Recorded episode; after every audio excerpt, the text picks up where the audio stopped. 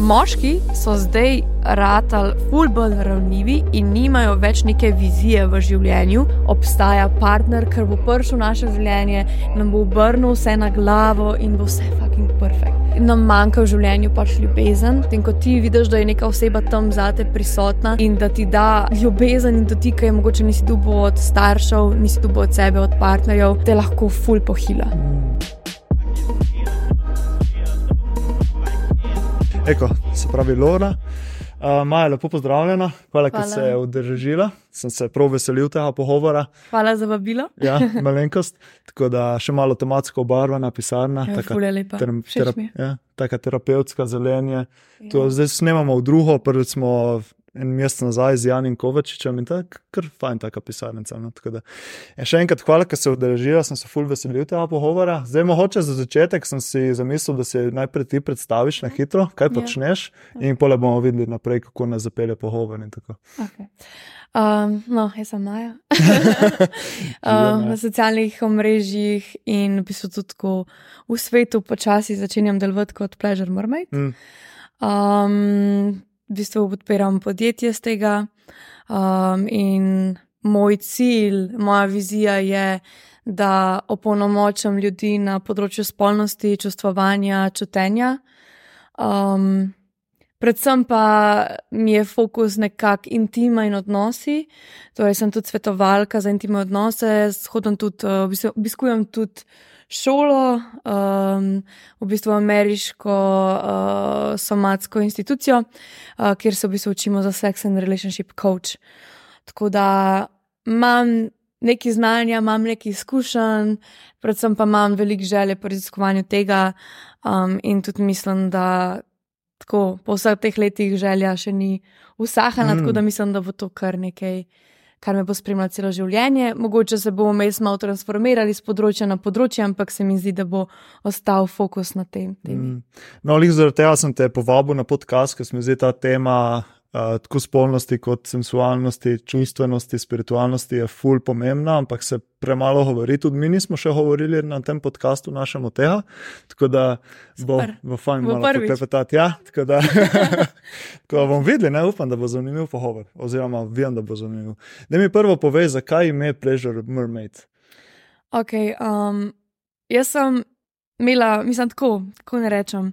Tam okoli 20 leta, sem, oziroma 22 leta, sem začela raziskovati malo to holistično seksologijo in v bistvu sem, začela, sem ugotovila, da me fulj zanima. Mm. Ampak takrat sem bolj uh, raziskovala zase, poslušala, začela sem s podcasti o Juliet Allen, to je v bistvu ena avstralska seksologinja, fulj mm. dobra, svetovno znana. In um, Pa sem pa jaz v bistvu nekako eno leto zbirala pogum, da bi jaz o tem začela govoriti, ker se mi je v življenju nekako vse poklopil, ker sem že kot mlajša, ne vem, par košarki, ki smo bili v garderobi, sem bila jaz tista, ki je začela te tematike in sem videla, da je puncam bilo ful lažje, Mm. ko so v bistvu imele pobudo strani nekoga, da lahko se o tem začnejo pogovarjati. In tudi veliko prijateljic je že takrat, v ne vem, pri 15 letih hodil k meni po neke nasvete glede spolnosti orgazmov, čeprav sama sem v bistvu imela bolj kot ne takrat samo neke teoretične izkušnje. Mm. Ampak tudi s tem pač lahko človeku do neke mere daš informacijo, mu pomagaš. Um, tako da Pleasure Mermaid je prišel iz tega, okay, kako bo zdaj meni, kako bo moj vzdelek, kaj bo. Ja, kako bo moje Nek ime? brand, ne? Ja, brand. brand. Uh, čeprav mogoče se še nisem zavedala, da bo to moj brand, ampak tako sem v bistvu takrat začela zbirati ime za socialno mrežje. In jaz sem se vedno kot mehna počutila povezano z morjem. Mm. Jaz sem uživala na morju, jaz sem hodila 20 let na isto lokacijo, vsako leto, Ah, poletje nice. na morje. Pač nekdo bi rekel, da je to totalno dolgočasno, ampak jaz sem tam preživela tri mesece, pač kar je bilo počitnica, ne? pa še mogoče še mm. počitnice vmes. Um, In meni je to ful pomenilo. Jaz se spomnim, ker sem tako kot mehna plavala v vodi in pa sem se usedla tako na dno morja ne, in sem sam sedela in mi je bilo ful dobro. Mm. In sem se počutila tako, kot ena morska deklica. Pač Ja. počutila sem se res povezana tako z delfini, z ribami. Tako, ne vem, res čutim to morje. In potem, ok, sem bila tako, okay, kaj mi je všeč, ne, sem tako morje mi je všeč. Okay. Morske deklice sem tako, čutim neko povezavo, zihar sem lahko še v prejšnjem življenju, kaj tasga. In potem bi se prišel ta mermaid iz tega, ne, in pa sem bila tako, ok, ampak ne morem biti samo mermaid, ne. In pa sem lahko, ok, to, kar jaz, moj cilj v življenju je, da uživam. Mm. Torej, užitek je meni ne samo tisti uh, kratkotrajen užitek, ampak užitek je meni ljubezen. In v bistvu sem pozdružila pleasure in mermaid in mm. To je pleasure mermaid. Oh, Tako da, neč ptazga, ampak tako za me je velik pomen. No. a, Ja. užitek. Da malo se ustavi pri tem. Se pravi, kaj, kaj misliš s tem užitek? Ker se mi zdi, Ja. na eni strani. Itek vsi želimo ta užitek, po drugi strani pa, pa ima ta užitek tudi neki od zadaj, kot nek, Ja. ne, neki temačna, kao, da ne bi smeli uživati. Ja, to se je tako zdaj dobro, uh, dober stavek povedal. Ja, tako, jaz bom rekel, da se užitek deli nekako na dva dela, ne? saj ljudje ga tako delijo. En je tisto užitek, ki ga ljudje dojamejo besedi užitek, torej tisti kratkotrajen, slab užitek. Mm. In moramo tudi vedeti, da pač užitek je full negativno zaznamovan tudi strani um, medijev, ker mediji so to pobrali iz uh, cerkve. ne. Cerkev, ja. pač cerkev je užitek predstavlja kot greh. In zato pač cerkev je predstavljala tudi spolnost kot greh, in to se vse povezuje, in si ti kratkotrajni užitki, čeprav jaz bi rekla, da prava spolnost, oziroma spolnost, ne bom rekla prava spolnost, ampak ena oblika spolnosti, ki jo mogoče ljudje ne poznamo. Ni kratkotrajen užitek in je lahko ljubezen. Mm. Poznamo pa tudi spolnost, ki je kratkotrajen užitek. Tudi s tem ni nič narobe, Mm. če je balans med temi stvarmi. Tako da, uh, kaj si še enkrat povedal, stavek? Kaj si ga rekel? Um, ja, na eni strani je pa užitek tudi ful pomemben za nas, ne? čeprav Ja. ima nek negativni pridih. Ja, mislim, moje vodilo v življenju je pač, da uživam življenje. ne. Mm. In zdaj to meni pomeni, da sem srečna, da grem k temu notranjemu miru, notranji sreči in predvsem, da najdem to ljubezen znotraj sebe in jo potem delim z drugimi. In da to ljubezen delim tudi prek spolnosti, pač mm. s partnerjem, partnerji, kako koli. Um, tako da ja, pač užitek je meni ful pomemben. Mm. In na koncu koncev vsi, tudi cel, celoten kapitalizem, ne, to, kar se borimo proti užitku, je celoten kapit, kapitalizem zgrajen na užitku. A ne užitek, uh, to, da, da v bistvu dobiš pohvale, ker dobro zgledaš, da imaš dobre stvari. To je vse tak nek kratkotrajen, potrditev kratkotrajen užitek. Mm.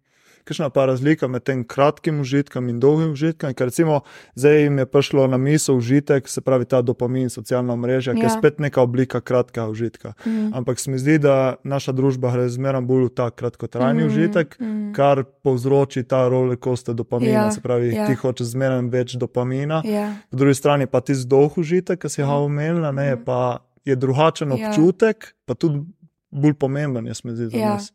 Jaz bi tukaj rekla, da je ful v bistvu povezan z notranjo srečo in notranjim mirom. ne. Zdaj, kira stvar, ki jo narediš, ti prenese. Torej, kakšen užitek ti prenese, da ga analiziraš praktično? Ti prenese kratkotrajen užitek, uno pač, da nekaj časa, une 5-10 minut si srečen, poti pa pač dopamin dol pade in to je to. Ali pa pač uživaš pri tem, ko dosežeš nek cilj in ti to prenese pač daljšo. Daljše zadovoljstvo skozi življenje, ne? pač, da je v bistvu ta užitek dolg, da začutiš to notranjo srečo in da te pripelje bližje k sebi, bi Mm. jaz rekla. bližje sebi, kako to misliš. Ker, Ja. za, recimo, jaz razumem, kaj si s tem misliš, Ja. ampak dosti ljudi je malo tako abstrakten Ja. pojem.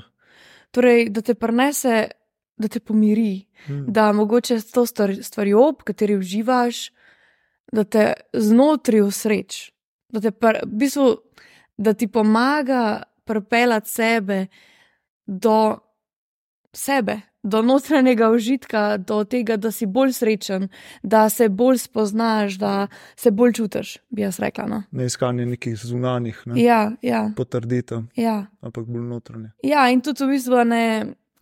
Ta, koliko je tega haja, ne? zdaj večji, ki je haj, večji je lahko lov, ne torej višji, ki greš, greš lahko nižji. Zdaj, če si pa v bistvu ti nekje počasno napreduješ, da ni toliko tega Mhm. klanca, a ne, da greš počasi in da pol v bistvu greš lahko gor. Tako, da si Mhm. predstavljaš v ne matematične grafe. Ja, grejo ja. Ja, se to je pri vseh stvareh. ne. Ja. In pri, vem, pri prehrani je krvni sladkor, Mhm. bolj kot ti narase, bolj pade, isto je pa pri kofeinu, Ja, ja. pač vseh. Ne. Pa mogoče jaz bi, o, tukaj, zdaj, to mi je, uh, sem se dobro spomnila zdaj. A, da. da tudi ko, naprimer, da si ti v tem nekem užitku. Ne? Če pride neko čustvo in spremeni tvoje stanje čustveno, mm. zdaj ali se lahko vrneš nazaj, ne? potem ko to čustvo gre, ali pač v bistvu ta užitek sploh nima pomena več. Torej, naprimer, da greš na neko pico, poješ neko ful dobro pico, pa se ti pol po pici zgodi nekaj ful žalostnega. Ne? Verjetno se pol po te žalosti, ko ti predelaš, ne boš glih spomnil nazaj na ta užitek po pici. Mm. Ampak če pa ti dosežeš nekaj, kar si si zadol, ali pa ne vem, imaš res nek globok odnos z neko osebo, ki ti pa naša užitek, potem, tudi če se ne zgodi nekaj žalostnega, boš ti vse nazaj prišel lahko na to stanje, ki si ga imel prej, ki ti ga prinaša ta odnos, pa ki ti ga je prinesel ta cilj, ki si ga dosegel. Mm. Ko si pa, recimo, prej si omenila, da se pravi, treniraš košarko in to, mhm. -huh. se pravi, si odraščala skozi šport. Ja. Ko si pa videla to razmerje med športom, čustvenostjo, spiritualnostjo. In... Ja, um... Ker, recimo, lahko povem za sebe, šport se mi zdi, da me je fulno naučil, se pravi, mhm. neko povezanost sam s sabo, hkrati pa šport tudi te prisili v to, da zatreš nekatera čustva, pa da nisi jih. Ja najbolj nežen do sebe. Ja. ker še, še vedno, če češ uspeti. Ja. v športu, moraš šiti nekaj čez sebe. Ja, itak. Ja, ima šport je meni zakon. Um, meni se zdi, da mi je pač full dol, mi je pa tudi veliko vzel. Mm. Um, In jaz obožujem košarko, pač imam mm. rada košarko že celo življenje, to je bila moja prva ljubezen. In bi jaz pa tudi rekla tako, da mogoče me je košarka pelala skozi obdobje v življenju, ker nisem zares čutila svojega telesa. V bistvu me je bolj naučila, kako ga ignorirati, kako mm. uh, se odmakniti od njega, ga naj poslušati, uh, ker sem pač v bistvu tudi imela sama, že kot, vem, po 14 letih sem se prvič poškodovala in sem imela full poškodb s koleni, imela sem strgane križne pa meniskose. Tako da sem imela tri operacije, pač dve na enem, eno na drugem. In dobesedno me je to pač čist nekako cepalo telesa. In sem na nekem trenutku v življenju, ko sem, prav spomnim se, ko sem se poškodovala, ta drugič, ko sem vedela, da pač ni, mislim, sem šla čez operacijo, šla sem čez rehabilitacijo in ko sem se poškodovala na tekmi, jaz sem pač v tistem trenutku zasovražala svoj telo. In še zdaj pač imam. Um, trenutke, ko pridejo ti občutki na plano, uh, sploh povezavi s športom in pač, ki tudi prenesel fulejnih nekih ovir, mm. na splošno, ne samo pri športu, tudi v življenju, s katerimi se srečujem. Um, ja, pravno, začutila sem vse možne negativne emocije, negativne. Um, torej sovraštvo, prezir, pračuno, noro, no, kakšni občutki so se mi do svojega telesa, pravno sovraštvo. In v bistvu je bilo to prejšnje leto 2023, ko sem prvič dojela, da sem jaz v tistem trenutku dobesedno te stvari začutila. Mm.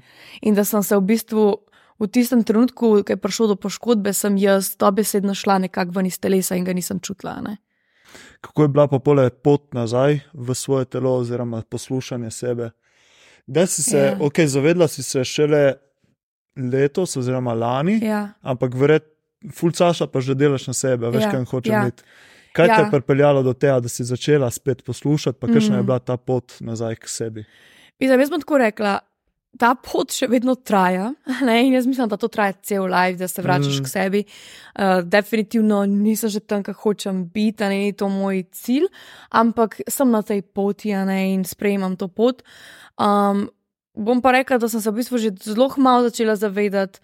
Um, že takoj po tej drugi operaciji kolena sem se začela zavedati mojega telesa bolj in bolj. Mhm. In predvsem tega, da sploh ne vem, kako moje telo funkcionira, sploh nisem bila pozorna na njega, nisem mu dala pač stvari, ki jih je rabu, v smislu, hodila sem skozi sebe. Mm. In tudi ugotovila sem, da trenerji večinoma nima, niso imeli pojma o tem, kako pripraviti žensko telo na šport tudi to, opazil sem ful razliko med delovanjem ženskega telesa in moškega telesa v športu, ki je čist drugač. Mm. In v bistvu sem se začela, ne vem, rečemo, da je ne pet let nazaj počasi zavedati. Da imam cikl, da imam ženski cikl, mm. da je moje telo drugače sposobno skozi obdobje, skozi mesec, oziroma 28 dni, ta lunin cikl. Mm. Um, in nekako sem začela to v zadnjih letih, ful bolj poslušati te stvari. In zdaj, na primer, lahko dam primera. Zdaj mi je telo pa zdravje na prvem mestu. Prej mi je bila mogoče neka želja po uspehu in uh, to, da uspemo košarki, pač bila je to moja želja, ki je zelo hitro sicer potonila. Um, ampak, naprimer, včeraj sem imela trening in Na treningu smo pač na koncu igrali in ekipa, ki je zmagala, ni imela kazni na koncu. ne. In pač jaz sem se res utrudila, da bomo zmagali in smo zmagali. In pol tako trener reče, no, če bi kira želela še dodatno teči s poraženci, lahko gre. Ne? In pa so tako počasi vse šle teč, ne. Na koncu sem jaz ostala, ker nisem hotla iti. In, in pa me trener vpraša še zadnjih pet sekund za premislek in jaz tako, ne, jaz ne grem. Zato, ker sem čutila svoje telo, ker sem čutila, da pač moja, ena moja mišica, kle v zadnji, ko sem obremenjena, oziroma ko še nisem tako natrenirana, me boli in zdaj so bili prazniki. Ne, in pa sem tako, ker zdaj, če bi šla jaz šprintat, bi šla čez svoje telo, um, ker bi me ta mišica pol bolela in pa bi ne bi bilo ok, ker pa bi me bolela še na, na nedeljo, na, v soboto na tekmo, ki jo, na tekmi, ki jo imamo. In sem tako pač ne, ne grem. Ne? In mogoče je to izpadalo tako zelo sebično, pač ne, Mhm. zdaj pa jaz edina ne bom šla teč sprintov, ne, ampak sem tako, ne, pač jaz bom dala telo na svoje prvo mesto. Svoje telo na prvo mesto. Ja, to je kar težko, ne? sploh v skupinskem športu. ne. Ja. Pač, da, So izzivi, definitivno. ja. Ne, tako pač tudi mnenja drugih, mnenja trenerja, kaj si on, on s tem misli, ampak sem na pač tako, no, ni me premaknil, bila sem nekako suverena uh, v tej odločitvi. Pa sem sicer tudi vprašala svoje igralke, pa če jim je bilo bed, ker nisem šla teč. In pa so bile tako, pač nima veze. Mislim, le zdaj, če so povedali po resnici, ne vem, ampak uno na koncu koncev niti nima veze, ne, Mm. kaj je njihovo mnenje. Ja, ko v bistvu je tako, moraš prvo postaviti sebe na svoje mesto, Ja, da si ja. tvoja dobrobit Ja. in potem vse ostalo. Ne? Ja, itak, a ne, ker če tega ne bom delala, pa tudi ne bom mogla svoje, v bistvu, sto posto dati v košarko oziroma na igrišča. Ne. Mm. Ja, samo tu se pa s cajtom zavedaš, ne bolj ko odraščaš. Mi Ja. zdi, ker si še mlad, sp- sploh športnik, ne Mhm. daš ekipo na prvo mesto, pa greš čez sebe. Ne. Ampak pol Ja. nekako se naučiš, oziroma te življenje privede do tega, da Mm. Ja, jaz mislim, da drugače je ful zdravo, da, daš, eh, da greš čez sebe do neke mere. do neke ne. mere. Ne. Ja, Se pač, če ne greš na sebe, dosti ja. krat je oni bliz in magic se zgodi v Mhm. nekem, kar greš čez ja. ta odpor, ja, pa strah. Ja, ja. ne. Ampak pole se Ja. moraš tudi malo vrniti nazaj, ne skozi Itak, itak, ne, sebe. pač moraš vedeti, kje je un napredek, moraš vedeti, kje pa pač uno se uničuješ. Mm, A Ne, pač ta pravno ples v tem ravnovesju. ne. ja. Mm. Ko pa ti recimo zdaj ohranjaš to ravnovesje Mm. med tem. Jaz bom rekla tudi tako, dosti mi pomaga, mm, da v bistvu nimam toh treningov. Ne, jaz Mm. pač ne treniram petkrat tedensko, ker sem cel življenje, ampak zdaj treniram v bistvu dvakrat tedensko, ker ostalo, ma- pa ostalo pač ne morem. Tako da zdravo hodim pač v fitness, pa tako pač malo delam vaje za mobilnost, pa stretching. Pač iskreno ne to, kar bi si želela, zdaj imam v bistvu cilj, si bom postavljala tudi načrt, kako pride do tega, da pač pridem do tega fizičnega stanja, ki ga želim imeti. Um, Tako da, to, tako da nimam toliko problema s tem držati balans. Okay. Bolj mi je problem držati balans v tem, da si vzamem čas zase, da si vzamem čas za jutranjo rutino, da si vzamem čas za to, da se malo sprostim, relaksiram, um, uživam in ne sam delam. Bolj mi je tukaj. ne. Mm. In hvala Bogu mi košarka predstavlja užitek, ne in v bistvu to vzemam kot neko napolnitev. Še kakšna taka stvar za užitek eh, zraven mm. košarke. Ja, definitivno pač ta jutranja rutina, meditacija, pol, ful, uživam tudi v tem, kar se negujem, ne tako ta malo feminin aspekt, ženski aspekt. Ah, Ja, tako ne vem, ful, ful si želim delati dnevno rutino uh, joge obraza, okay. pa pač skrbeti za ja, to in predvsem pač fitness, tudi šport, meni je šport tak pač nekaj, kar me neguje, um, terapije, pač Mm. da hodim jaz na terapijo, uh, tudi v bistvu. Kaj mi, kaj me tudi dviguje, so tudi na nek način terapije s psihadeliki. Mm. Um, pa predvsem moje delavnice, ki pač jih izvajam, to me pač tudi vypolne, mm. Uh, to, da lahko dajem drugim. Ja. Ful, se je tudi dobro, da imaš velik spekter kar stvari, ki te polnijo, Ja, da pa ja. lahko zbiraš vsega pomalo. ne. Ja, ja, definitivno. Um, Um, kakšne ter, na kakšne terapije hodiš, če si pripravljena malo deliti? To me bolj mene Ja. zanima. No. Hodim v bistvu na pač in navadne terapije, vsake toliko časa. pogovorne. V bistvu, psihoterapije. jaz bom tako rekla, ne glih psihoterapija, jaz bi rekla, da je bolj holističen pristop, somatski, psihoterapevtski pristop, torej da je delo s telesom, da greš v telo, da ni skozi sam pogovor, ja, ker se mi ja. zdi, da sam pogovor, po mojem mnenju, je zelo osnovna raven. Mm. A Ne skozi sam pogovor ti predelaš, če tako zdaj primerjamo. Sam pogovor predelaš v enem letu, rečemo, 50% stvari, če greš zraven še v čustva, predelaš lahko 70-80% stvari, če greš pa ti še v podzavest, v smislu s psihadeliki, pa se mi zdi, da lahko predelaš v enem letu 90%. Mm. Oziroma, pač, ko se pa se ti tako sprot spet pojavlja, ampak greš lahko res full globi noter. Ne? Ja, to je pravno, kar se zmeraj prikazuje, oziroma kar se pravi ta ledena gora zavesti. Ja, Koliko je ja, ja, ja. na vrhu, je tisto zavedno, ne? Ja, in tisto se ja. mi zdi lahko dosti narediš s pogovorom. Ja. in tako. Ja, ampak je pa res, da hočeš- greš full počasneje, Ja, ja, pač full je ja. nek Ma, počasen. Ko hočeš iti že malo globje, ne Mm. moreš že drugače. Ja. In mi je zanimivo, ker si omenila to telo. Ne? Recimo, Mm. dosti krat, tu sem jaz opazil skozi Mhm. moje raziskovanje, ne? čustva se prav v telesu. Ne? Ja, In če hočeš ja. ti priti do nekih čustev, ja, moraš ponavadi skozi telo delati. Ne? ja. In strečing in razne terapije, masaže, Ja, ja. tudi Ja, psihedelike. Saj ti si bil na emotional tulsih, ne? Se to sem rekel, da bi Lahko želel tudi malo, ja. Ja, malo predebatirali to. Ker jaz tam, uh, že eno leto nazaj, je pismo hitro Ja, full hiter. Ja, in jaz sem te takrat že nekaj časa spremljal, pa tvoja prijateljica nekaj delila od tega Mhm. in se mi zdelo ful dobro in sem rekel, da jih gremo provat. Mm. Nekatere tvoje orodja sem že poznal, ker sem jih Mhm. pač delal, Mhm. nekatere so bile pa nova in mi je bilo ful zanimivo, ker pač se je um totalno sklopil ne? Mhm. in kako si Ja. lahko pole skozi telo spravil neka čustva ven in jih pole predelal. Ja, Mogoče lahko malo več deliš za tiste, ki ne poznajo, kaj Ja. to emotional tools sploh so in kako Ja. to poteka. ja emotional tulsi so meni tako full blizu, to je ena izmed tehnik, ki mi je po moje. Ki mi je dala tam v bistvu tako isto raven. Če rečemo, da, smo, da so mi psihadeliki dali pač tok, mi je emotional tulsi sami dali tok. Pač to je urodje, s katerim lahko greš noter vase. In jaz, ki sem kdaj imela procese, ki sem šla, ki sem uporabljala ta urodja, sem šla lahko to globoko, ker ne vem, s psihadeliki. Če res greš lahko skozi telo, full noter podzavest. Um, Torej, orodja za izražanje čustev sem jaz dala v bistvu slovenski ime, ker to sem, s tem sem se spoznala v bistvu na International School of Temple Arts, Mm. na isti tri leta nazaj. Um, in to mi je bila ena izmed osnovnih stvari za praktično rast in čutenje sebe.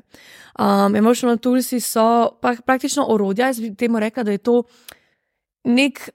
Um, Neka, eh, neka, kako se reče, neko dejanje, oziroma nek element, ki ga narediš, in s tem odpreš vrata čustvom, da pridajo Mm. ven skozi telo.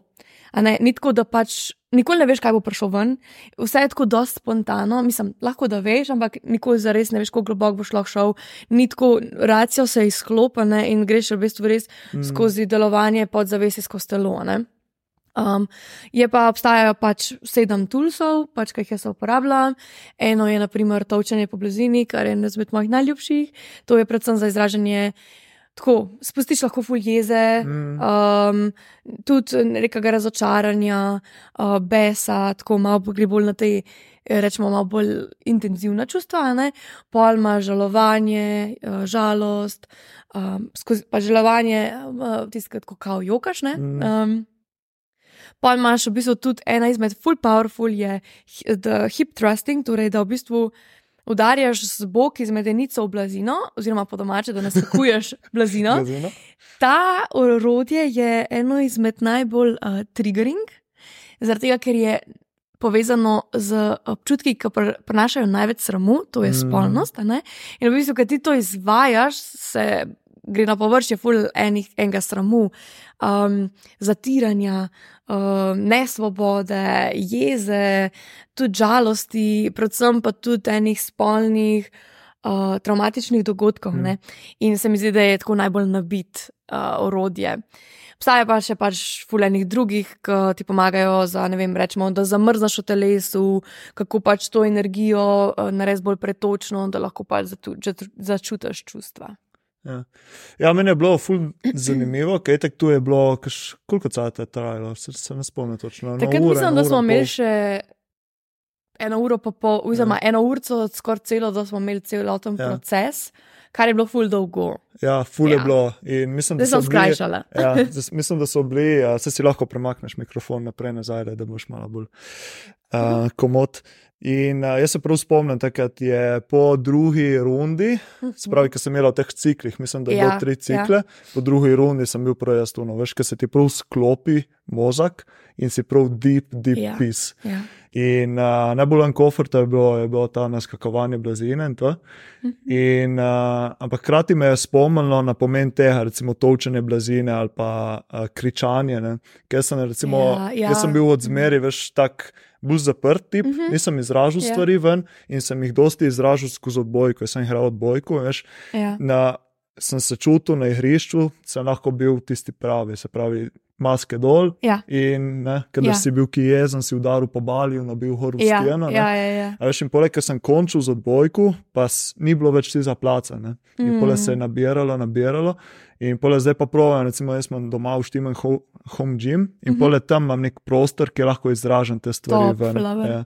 A pa recimo poleg boxing uh, vreča, pa lahko tam malo razbivaš mm. in tako. In uh, se mi zdi ful pomembno, da se govori o tem, ker dosti krat se ne zavedamo, da travme, stres, čustva so shranjena prav v telesu. Sej dosti, Ja. govori, dosti ljudi govori o tem, recimo Gabor Mate, vem, da ima Mhm. ful od tega, ne? kot rolo reče ne, in kako se travme s- kažejo skozi Ja, telo in to. ja. In, in me, meni je bilo zanimivo, recimo še to vam povedal, pa ti prepustim, da po tisti delavnici Mhm. je prišlo do nekega full deep pisa, prav res? mentalno. Mhm. Ampak potem, naslednji teden, se spomnim, pa, da je bil full težk, -hmm. zaradi tega, ker so, bile, so prišle ven neke stvari, Mhm. Ja, ja, ki so bile v podzavesti, v telesu, Ja. in sem jih pole mogel predelati. Ne. ja. Takrat nisem štekel, za ki je sem imel težko obdobje, pole, Aha. ampak pole sem se zavedal, da je, pač, ja, ja. da je sprožilo nekaj ven. Ne. A drugače, kaj uporabljaš? Um, tako uh, recimo tisto neko mihanje oziroma tresanje, mm Mhm. -hmm. dancing, tu pravim det, mm Mhm. -hmm. delati zjutraj, -hmm. ponavadi, da se malo zbudim. Je ful- tudi to je ful nekaj, dobro. ja. Ja. Tako bi mogel več delati, ampak si ne vzamem ja, Ja, sej- časa. Jaz tudi, lej, ful stojim za urodji, ampak tudi jaz si vzamem ve- premalo časa no, za njih. Um, takrat je res, kaj je uno kriza, ne pač si vzamem tisto eno uro. Ker, Ja, kadar ker- zagusti, pole nekaj, ja, ja, ja, ne, tako. nekaj narediš. ja. Ja. A je pa res, da ne vem, jaz ful intenzivno ču, čutim lahko te občutke in jaz sem lahko tudi po dve uri noter, mm. ne Mm. pač imam procese in to te ful izpričrpa. Tako da, tako da ja, štekam, ampak ful dobro, ja, orodja, mislim, vse to je to, ne, kar se ti enkrat odpre, kar enkrat greš noter, pol pač pride ven, ne. Mm. Tako, dobesedno pač z orodji odpreš vrata, tako si jaz pač predstavljam to, da pol ali takrat med samo, samim izvajanjem ali pa pol kasneje lahko, ne Ja. a prije na površje. Me je pa tako, to, kar si rekel, ne, da pač so travme ujete v telesu. Ne. Pač ja, definitivno, in jaz jo v bistvu to tako razlagam. Pač mi smo, imamo pač več različnih teles. Imamo energijsko telo in v energijskem telesu, ko se zgodi neka stvar, a ne ko pač pride do neke, neke traumatične uh, stvari, se pač naša čustva. Za, za, nekaj se zgodi z njimi, pač ali mm. zamrznejo, ali jih potlačimo, uh, pač nekaj v tem smislu ponovadi. Ne? Če jih damo ven, politik se ne zgodi glih tako traumatično, mm. tega, Mhm. ker pač procesiramo sprot. In v bistvu, ko, se, ko pride do tega, da se čustvo, rečemo, ustavi na neki točki, potem se tam energija ustavi, pretok energije. ne. In vemo pa itak, mislim, verjamemo, nekateri verjamemo v to. Da, ko je pač zastala energija nekje, se pač pretok ustavi, in ker je pač energijsko telo povezano tudi s fizičnim telesom, se enostavno v tistem predelu potem lahko skozi čas um, manifestira ta zastala energija skozi fizično bolezen ali fizično stanje. Ne, in jaz verjamem, da je čisto vsaka stvar. Tudi če je genetska, ne, ker kaj pomeni, da je genetska, pomeni, da smo že v otroštvu, oziroma kot zarodek v, um, v trebuhu doživeli zastoj te energije preko pač materine ali očetove Mm. izkušnje. In vsaka stvar, torej vsaka bolezen, vsako fizično stanje je posledica energijskega neravnovesja, ki je posledica ne, um, torej hormonskega neravnovesja. To je tako povezano, da pač je nerealno. Mm. Ja, to je kar težko, mislim, razumeti, sploh če, če nisi v teh krogih. ne. Ja. Jaz na začetku sem tudi nisem verjel v to, ampak Ja. potem z raziskovanjem sem prišel Ja. tudi jaz do nekih takih zaključkov. Ja. Jaz sem predvsej pri sebi recimo videl na prebavi, Ja, ker recimo ja. skozi kitajsko medicino, kitajska medicina Ja. razlaga, da čustva se shranjujejo Ja. v trebuhu in Ja. potem želodec prebava in to se Ja. prav manifestiralo. Ne. Ampak recimo pole eh, ščitnica, ne, če ne Mhm. izražaš stvari, ven, Ja. se pole tukaj nabira. Ne. Ampak um, je pa težko to, ker ni neke znanstvene podlage, pole ja. razložiti oziroma utemeljevati. ne.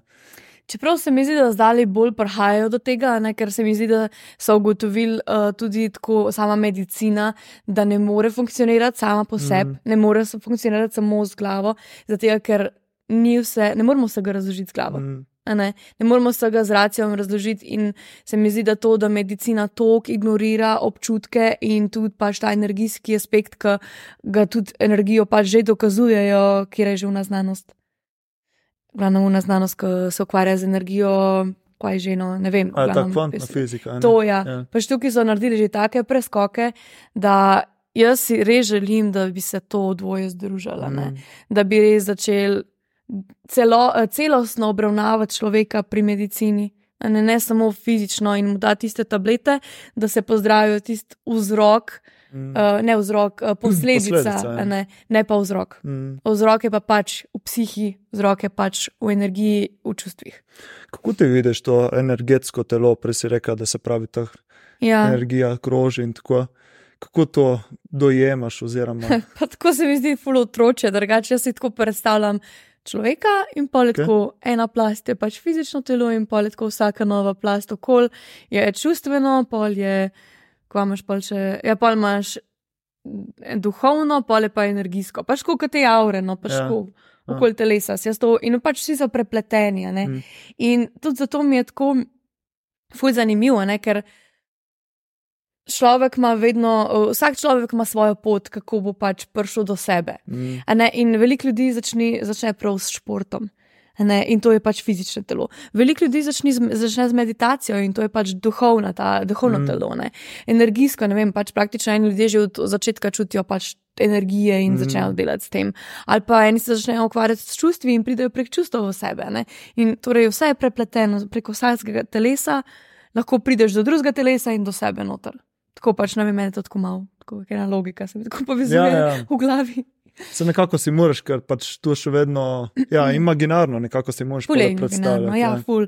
Vse mislim, ful stvari je imaginarnih, ne, in veliko stvari si pač tudi ne moremo razložiti z glavo. Jaz, na primer, če bi me vprašal deset let nazaj, jaz nisem verjela v nič, ne v Mhm. Boga, ne v energije, me je bilo to tako bulšit, da pač. Kako, kako pač, po, če bom, tako sem naprav govorila, sem skozi, ko bom videla, bom verjela. Mm. Ja, oziroma, dokler ne izkusiš to Ja. ja. na sebi. Ne. Ja, Se jaz sem bil tudi, ko nisem verjel te stvari, pa to je bilo vse v uvu, to je kar nekaj, ne, ampak Mhm. potem začneš odkrivati, ne, začneš Mm. čutiti in um, ja, potem s časom raziskuješ. Ja. ne. Ja, definitivno pa je težko iti čez ta svoj ego, da si priznaš, da te stvari obstajajo. Zato, ker da si priznaš, da te stvari obstajajo, si moraš priznati, da pač nisi zares srečen. Ne, se mi zdi, da to je tista prva stvar, ki se ljudje ali zatiskajo oči, pa živijo pol ta življenje, ki jim ga družba narekuje, ne, ali pa se soočajo s tem, pač ni to to, ne, ni to ta globina, ki jo želim jaz v življenju čutiti, ali pa ni to taka sreča, ki vem, da obstaja, nekaj čutim, Mm. da obstaja in potem pač se začnejo s temi stvarmi. Moče si ukvarjati. tudi nočeš priznati, ker če si priznaš, je pole si na neki poti Ja. raziskovanja tega. Zdaj, če ne moreš Ja. nič narediti na tem, je še teže ponovadi. Mm. Ja, mi se v bistvu tudi učimo um, tam v šoli, ne, da je razočaranje ena izmed glavnih stvari, ki si jih, ki pač v bistvu si jih zatiramo oči. Torej, Mm. da verjamemo v neki in si ne upamo priznati tega razočaranja, da nam bo ta stvar, ok, jaz verjamem, zdaj, ja, meni bo pa to uspel, meni pa ta služba pač uh, prinaša, ne vem, pač ok mi je v tej službi, ne, in si ne upamo, ne upamo priznati tega, da kaj pa če pač. Ni to to in sprejeti tega razočaranja, ker če sprejmemo to razočaranje, se nam odpre pač vse mogoče. Dokaj si pa zatiskamo, pa pač ne. Ja, sej po eni strani make sense, ne, zaradi tega, kadar si ti, kadar dosežeš nek kao rock bottom, ne, Ja. je fur razočaranje. ne. Ja. Ampak hkrati se ti, takralih takrat se ti pole Ja. začne uspenjati. Ne. In tudi, ko si ti priznaš, da si razočaran, si priznaš, da pač je ta neka iluzija, v katero si verjel, zginila. Mm. In da besedno se ti poruši svet, a ne? in Ja. si moraš priznati, fuk. Ja. ne, In zaradi tega boli jih, zaradi tega, ker ja. ego, ego je ja, zrušen. Takrat, ja, ne, točno to, ego je Del zrušeno. tvoje ne. osebnosti. Ja. Tako da ne vem, jaz se spomnim, ko sem bila, na, pač, ko smo imeli predavanja in smo pač delali z razočaranjem. In smo delali v bistvu z razočaranjem na podlagi ljubezenskega življenja, v smislu, da mi živimo še vedno v fulju prepričanih ljudje, da pač obstaja the one, da obstaja partner, ki bo prišel v naše življenje, nam bo obrnil vse na glavo in bo vse fucking perfect. To ne obstaja. To je pač ideal, ki ga dobimo skozi filme, skozi mm. glasbo, ne spah v filmih, happy endings. Pač to ne obstaja in odnos, kjer je vse popolno, ne obstaja. To pač ful poudarjam zdaj. ne ja. obstaja. In v bistvu sem se mogla, tudi sama me, sem imela ta, prepri, to prepričanje, ne pač, da bom spoznala nekoga, ki mi bo ustrezal v vseh pogledih, ki bom imela tako res tak easy flow, going relationship. Um, In sem se mogla soočiti s tem, pač ne, to je ideal. Kaj, če nikoli v življenju ne spoznam osebe, ki mi bo ustrezala? Kaj, če v bistvu bom sama do konca življenja? A ne, da si upamo priznati te naše največje želje, da se upamo soočiti s tem razočaranjem, ki je spodaj, zato ker če se soočimo s to žalostjo in občutki, ki nam to prenese, da pač tega nikoli ne bomo doživeli, si pustimo prostor za še večjo manifestacijo in možnost, da se bo to res zgodilo, ker bomo predelali negativna čustva, ki v bistvu nas podzavest na nekih točkah še od teh ciljev vleče dol. Mm. In tukaj je pač to razočaranje, žalost. In s tem, ko se mi soočamo z bolečino, si damo šanso, da doživimo za res ta cilj, ki smo si ga zadali, oziroma ta, da zmanifestiramo v življenju to, kar pač hočemo imeti. Hm. Ja, zanimivo. Ja. A je bilo logično razumeti? Ja, ja, ja. Sej, jaz, sem, jaz sem tako malo do te manifestacije, sem malo skeptičen, pač razumem, kako to deluje, ampak po drugi strani je še vedno fulje preveč imaginarno, ja. da bi prav verjel v to. Mogoče tudi to me pole malo zavira nazaj. Sem se pa ful dubo v tem, kar si rekla, da ne obstaja The One. Ne? Ja. In ja. da v bistvu moraš ful prej na sebi narediti nekaj, mm. da si pač sam s sabo se sprijazniš, mm. tako si in tako. Ja. Ampak hkrati je še vedno. Se mi zdi, da če spoznaš pravo osebo, ti tudi ona pomaga nekako mm. pri tem delu na sebi. Ja, ali, definitivno. Ali ja. moraš prvo, ful na sebi narediti in pole. Pa. Eno z drugim smo. Eno z drugim, mislim, tako bom rekla. Iz svoje izkušnje. Jaz sem bila zdaj štiri leta samska. Um, in sem res bila tako, ok, zdaj jaz začutila sem, jaz rabim zdaj čas, da postavim svoje stvari. Sicer sem imela neke odnose, ampak nikoli ni prišlo do nekega res, res, resnejšega odnosa, oziroma odnosa, kjer bi gradila prihodnost mm. skupaj s to osebo. In um, vse, kar sem predelovala, je bilo tako pač, pač ja, se je bilo težko, ne? ampak tako je šlo, dož je šlo. Ampak ko si pa ti v odnosu, zdaj, ki sem v odnosu, je pa to tako poten, potencirano. Pač vse te bolj trigne, zato ker mm. nisi sam, ker nisi samo od sebe odvisen, ne šteje samo.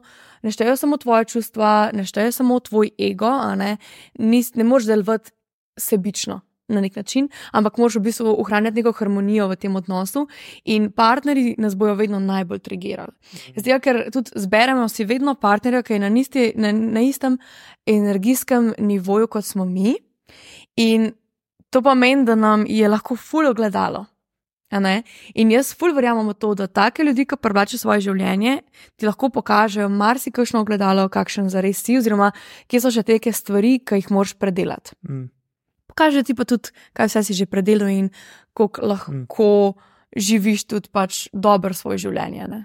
Pa si recimo opazila, se pravi, prej si omenila, da si mogla se pravi tu idejo, da ne obstaja dovolj, si mogla se pravi odvrežiti. Ja. Si, si videla, da ko si to začela predelovati, da je prišla ta oseba k tebi, ali kako se ti je to pole poklopilo? Ali niti ne? Ja. V bistvu, ko je, je bilo zanimivo, pač ne vem, poznaš postavljanje družine. Mhm. koncept. Mm -hmm. Si že bil? Ja. Kje pa si bil? Uh, v Gorici, pri mojem terapeutu, so organizirali Aha. eno to delavnico okay. in so se odprle zanimive stvari.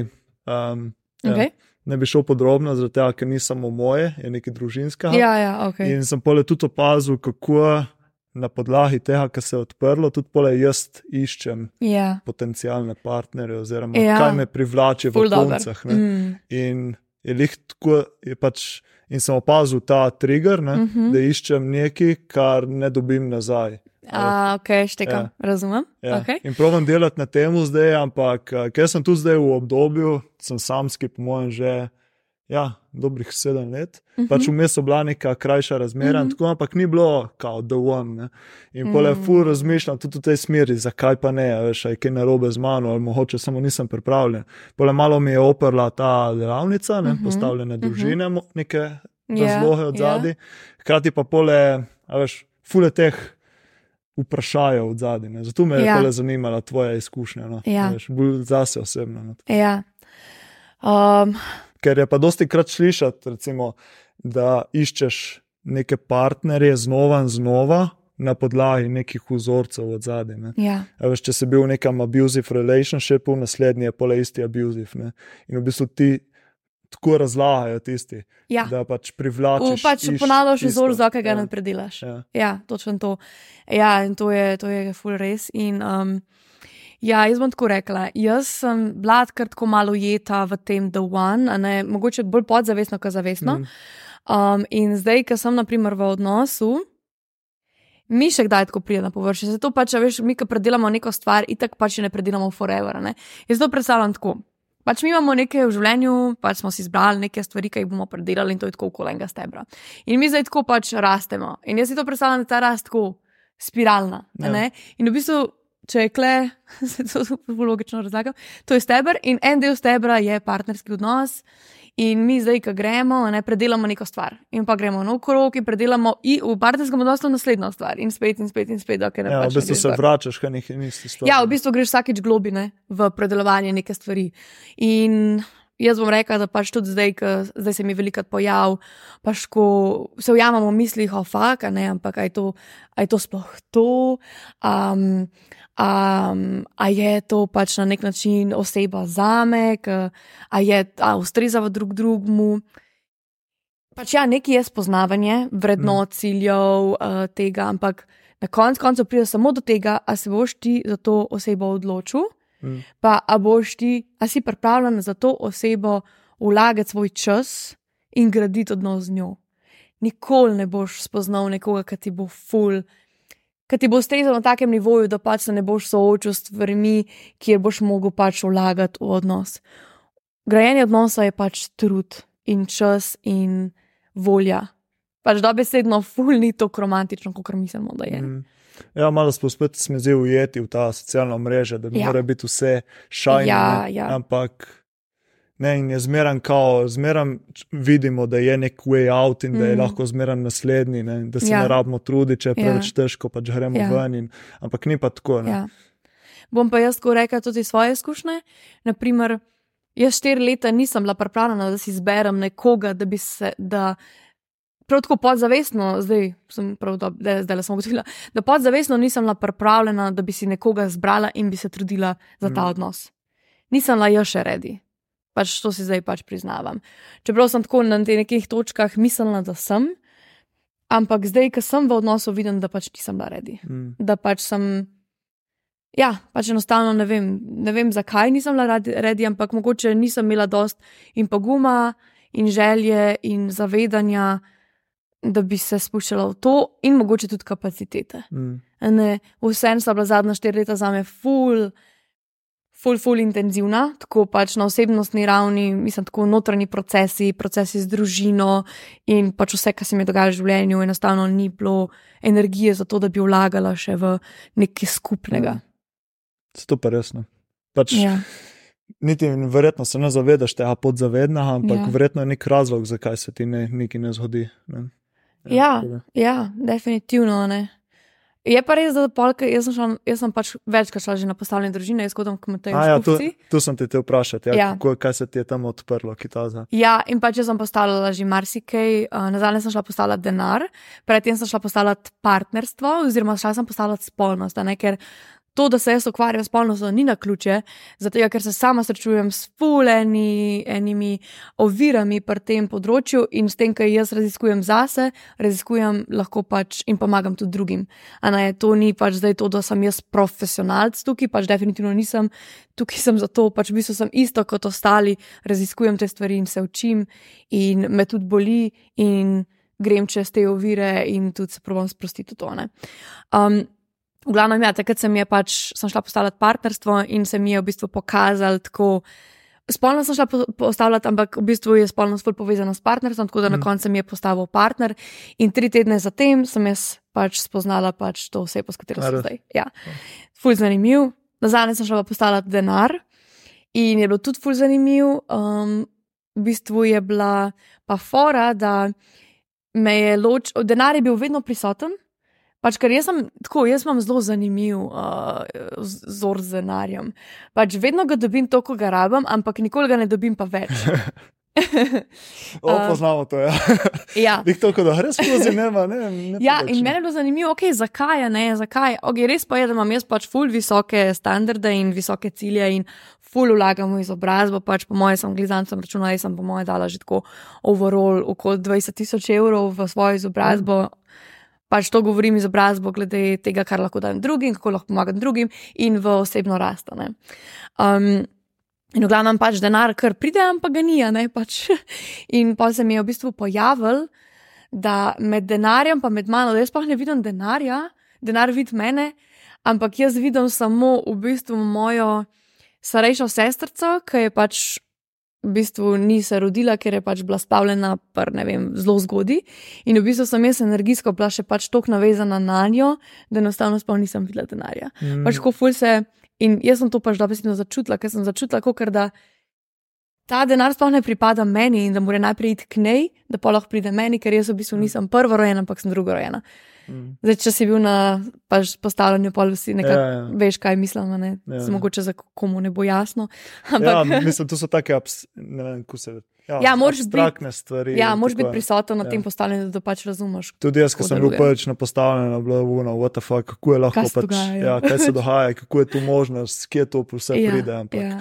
Ja, um, sicer mene se pa ni iz tega postavljena družine, se ni nič spremenilo tam, mm Mhm. -hmm. predvsem zato, ker se mi zdi, da je bilo vezano na eno osebo, ki ni pripravljena še Ja, ja, to, oziroma okay. ni odprta, ampak pač bo kar bo. ne. Sej, ja. Včasih moraš večkrat pač Ja. postavljati. Jaz sem tudi ne. postavljala družino že ne dvakrat. Mm. Um, pa, naprimer, tudi moja mama je Mm. šla na postavljanje z mano, tudi postavljala, tako da se počasi pač premikajo neke stvari. Ne? Itak je to tako, pač nekatere stvari, ko na energijskem levelu premakneš. Pač ful hitro se manifestirajo, ne? se pač zgodijo realnosti, se popravijo, postavijo na svoje mesto, ene pa pač trajajo. ne. Mm. Odvisno, koliko je, komplik, kom- koliko je zakomplicirano energijska stvar zadnji, koliko je Ja, zadnji. pa koliko korenin. Ja, pač to je. v- Um, prej si parkrat omenila psihedelike, to me mm Mhm. predvsem mene zanima, ker je taka kar hod tematika, mm Mhm. -hmm. pa smo zdi na teh podcastih se dosti krat omenja. Um, me zanima, s kakšnimi si imela izkušnje, pa mogoče kaj ti je odprlo. Okay, um, ja, jaz sem imela v bistvu skr velik psihedelike že izkušnje. Okay? V bistvu rečemo, da tri leta že hodim tako pač na terapije s tem. Zdaj, um, eh, kako redno hodim, se je odvisno od obdobja. Um, naprimer, na začetku sem hodila tako tudi po enkrat na mesec. In sem imela na začetku najbolj več izkušenj z MDMA-jem, to je s safro, pa kat, kombinacija tega.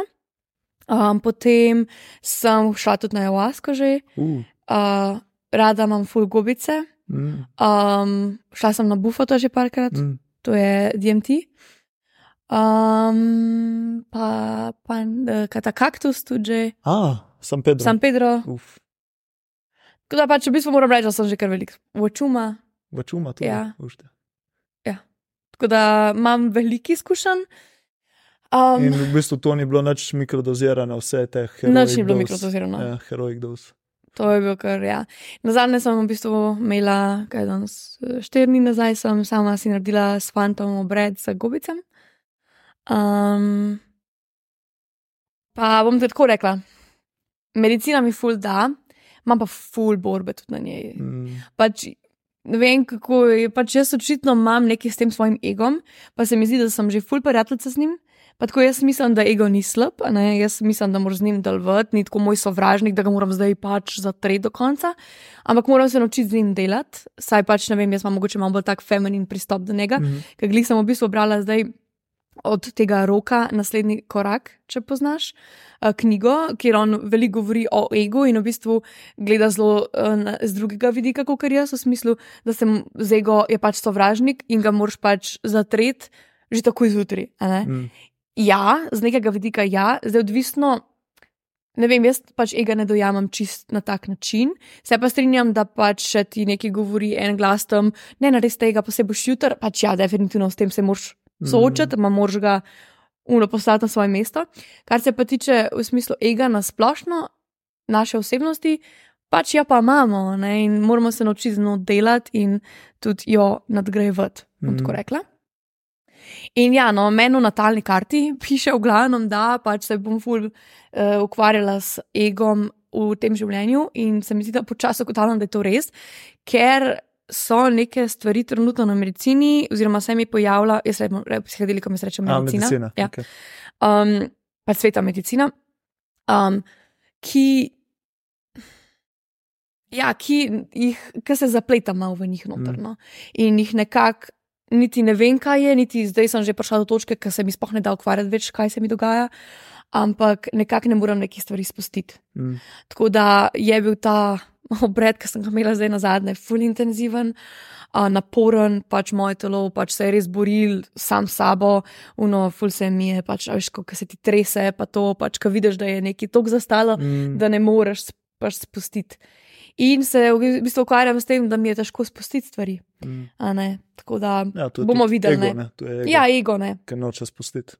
Ja, definitivno. Tako da, ja, no, moram reči, da zdaj ta nazadnja izkušnja ni bila njih najbolj full wow, ampak pač dojemam, da je to pač sam proces tega vsega skupaj. Um, in bo počasi pač že čas, ko ja. bom pripravljena spustiti. Ja, se pravi, da večinoma gobici ti pokažejo stvari, ko so in da je malo težja. Ja, težje. Uh, pa še vzela sem kar dosti veliko dozo, ja, no. okay. 5 gramov. Uh. Ampak ja, no, tako. Um, je vsem pač kul, cool ker okay, tako, da pač poudarjam. Jaz ne priporočam, da delate obrede sami sabo, če pač nimate s tem izkušenj. Jaz ja. imam pač, le glede na vse, ful izkušeno s tem, znam biti nekako zavestna. Pa še to pride do trenutkov, ko mi je težko, in verjamem, da marsikomu marsikdo ne bi znal shendati takih trenutkov, tako da priporočam delo s terapeuti, s šamani, ki pač mm. se s tem res ukvarjajo. Ne. ne priporočam, da to od začetka začnete delati sami. Jaz sem začutila pač nek klic v sebi, da lahko počasi začnem tudi sama mm. prakticirati določene stvari. Ja, kot v bistvu psihadeliki, vsaj jaz imam tak pogled na te mm -hmm. stvari, da v bistvu samo pospešijo delo na sebi, kar lahko ti narediš skozi ja. druge stvari in skozi meditacijo, jogo, mm -hmm. pa breathwork, skozi ja. dihanje. Ja, to, ja. Tisto je samo kao shortcut. Ja. Zdaj, če nisi pripravljen na to, je boš ne tikat ker pač ti lahko naredi tudi ful slaba, če nisi pripravljen na to. Ja. To je razlagal, recimo Klemen Selakovič na našem podkastu, ne, da je mhm. prišel en fan do njega, veš, ja, jaz bi ful LSD v no tretje, rekel, da je počakaj, ne, in samo ga ni poslušal, ne, ta fant, ker je hotel pač to izkusiti, ne, in je vzel na žurki, Uf, kar že. O, slabo. Ja, ne, je rekel, da, je, da mu je rock the world, ne, se pravi, da mu je v svet postavljeno na glavo, ampak zato je treba biti malo pozoren ja. s tem, ampak krati ti pa lahko ful da, če jih znaš uporabiti. Ja. Jaz tudi ful nisem zagovornik tega, da se vzema substance na. V okolju, ki niso pač terapevtsko podprte, torej v okolju, ko greš ti se zabavati, parti, pač mm. to ni okolje za delo z notranjimi procesi. Mm. Pač preveč je energije okoli ljudi z različnimi energijami, nimaš nadzora v okolju, pač moraš imeti vsaj nek nadzor, da se počutiš varno, ker varnost je tista, ki pač ti da občutek, da lahko greš globoko vase, noter, da lahko spustiš stvari, da lahko spoznaš stvari. Če pa si ti, pač, če greš pa ven, pa vzameš neko drugo, pač to pa za me je druga. Um, vzameš zato, da se imaš fajn in si pač nekje na površini, mm. to te pač lahko sam pele v sranje, da bi sedno. Ja. Pa stran od sebe. Mi pa hočemo z medicino, torej s psihadeliki, ki jih vzameš, da te prepele noter vas. Mm. Zato pa rabaš imeti varno okolje, podporo. Manjša doza za začetek. Manjša doza za začetek, definitivno. Um, ja. Cool. A, zanimivo. Kaj pa ti, kaj so tvoje izkušnje? Um, jaz sem parket gobice, uh mhm. -huh. prvič sem 220 uh -huh. in sem vzel tako ni bila velika doza, bil dober gram, gram in pol uh mhm. -huh. suhih uh mhm. -huh. in je bila ful težka izkušnja. Pač tako ful mi je dalo, ful je odprlo, ful je bilo borbe z egotem, pa uh -huh. neki moji lastni strahovi. Ja. Ampak recimo sem videl po takrat, nekaj pol leta, mi je pa ful držalo, mentalno, predvsem mm. mentalna moč in to. Mm. In od takrat sem pojel še parkrat gobice, in mm -hmm. zdaj pred kratkim, konec oktobra, sem mm -hmm. pa LSD. pač Wow, full, full okej. dose. In In je bilo? bilo uf, vrhunsko. Pač full res? transformativna izkušnja. O, hudo. Ja. Ja. LSD si res želim, drugače Ja. ja. to me nekaj fukavleče. Je pač Emperijatu. Je že imel izkušnje s tem, pa mi je pole zrihtu in to je rekel, le Ja. provi. Jaz, ki sem je rekel, da je on je vzel že parkrat ta LSD in vsakokrat je rekel, da je bil ta občutek ljubezni povezano z uh, vsem. Wow. Veš, kaj tisto, kar prav pravi, da se ti telo ga ni več in ostane samo tisto, Mhm. kar je, pač neka duša oziroma spirit in čutiš to povezano wow. z vsem, z vesoljem, uno Ja. tretje. Ja. In je bilo ful transformativno. Mhm. Hkrati tudi sem šel v neke, um, neke pretekle dogodke, Mhm. povezane tudi z ljubeznijo, Mhm. predeloval Mhm. neke skozi čustva. Mhm. Recimo, takrat se prav spomnim, prišel ta z bivšo, ki smo takrat na hitro končali, pa Mhm. še vedno je kar teh stvari v meni. Ja. In je prišlo gor, pa sem jo spet podoživel vse. In takrat sem prav čutil, veš, to emocionalno telo, ko pravi, kako je celo telo jokalo, kako ja. Je metalo stvari ja. Ven. Wow, Tako da, ful zanimivo, ful dobro, ampak tisto občutek, pač povezano z vsem, kako je tudi ta realizacija, kako smo omejeni s tem našim umom. Ne? Mhm. 99% časa, ker smo v Mhm. tej naši glavi in ne vidimo, kaj se dogaja okrog nas. Ne? Ja, ful dobro. Ja, tako da, lej, po mojem, ti bo ful všeč, spoh zaradi tega, ker delaš toliko na sebi. Um, jaz sem imel ful, ful dobro izkušnjo. No? Tako da, Mhm. itak je ful odvisno od vsakega posameznika. Sem šišel že in prijatelj rekel, da je, mu ni bilo fajn na LSD-ju, ampak meni je bilo pa ful. Mm. Ful taka. Ja. Ljubezen, povezanost, ha, high self, pa mm. Mm. vse te stvari. Ka. Prvo slišiš od vseh teh ljudi, kako pač so povezani z uh, stvarstvom in to, in se ti zdi vse malo tako, ne, kao občutek ja. Boga in to, ampak Ja. pole, pač že zdaj je težko recimo to razložiti oziroma Ja, obesediti. ja. ne. Ampak, Mislim, tako je- jaz bom rekla, da jaz mogoče in mene še.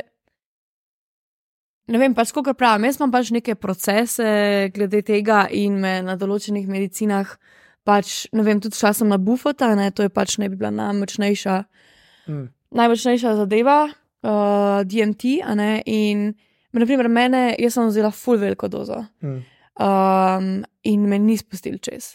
mm, Pač jaz ne vem, kaj je to.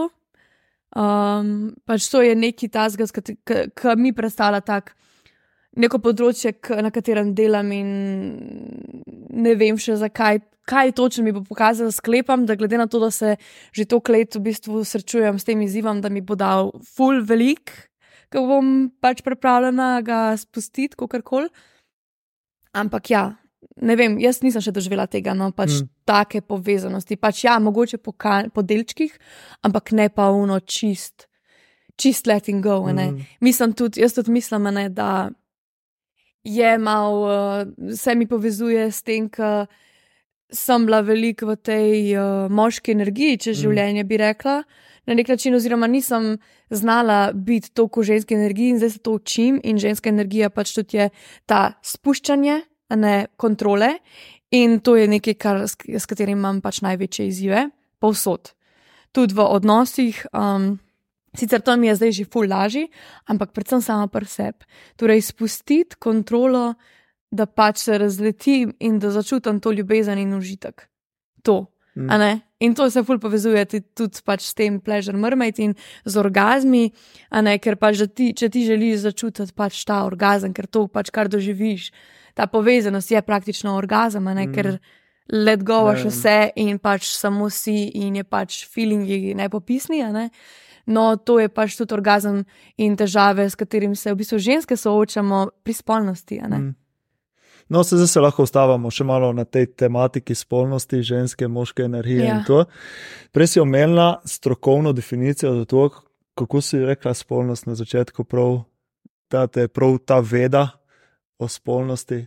A seksologija? Ja. Aha, ja. Da malo razloži, tu me zanima, kaj je to točno, pa kaj vse Ja. to predstavlja, zajema. V bistvu uh, jaz ni, ne študiram seksologije, ne zato, ker um, prav faks seksologije v Sloveniji ne obstaja. Okay. Pač lahko prideš prek, rečemo, medicine ali pa um, prek medicine, da se usmerjaš, ni pa tako, kot ne vem, imaš v Avstraliji, pa mislim, da imaš tudi v Amsterdamu, da je uh, na nizozemskem, torej prav smer seksologija. Um, na Hrvaškem vem, da je, ampak tam je, mislim, da bolj uh, usmerjena medicinsko, kjer se ukvarjaš več ali manj s hormoni in kako fizično telo deluje pri spolnosti mm. in kaj se dogaja takrat, in v bistvu tako neke fizične, uh, fizične. Fizični problemi, izzivi, s katerimi se ženske in moški srečujejo pri orgasmih, um, oziroma ne pri orgasmih, pri spolnosti, pa tudi pri orgasmih. Um, Kar pa jaz v bistvu raziskujem, je pa nekako holističen pristop do tega in sicer kako je psiha povezana uh, s telesom, ne, in naprimer, kako lahko pač vsak vaginizem uh, s sproščanjem pač, uh, se sprosti.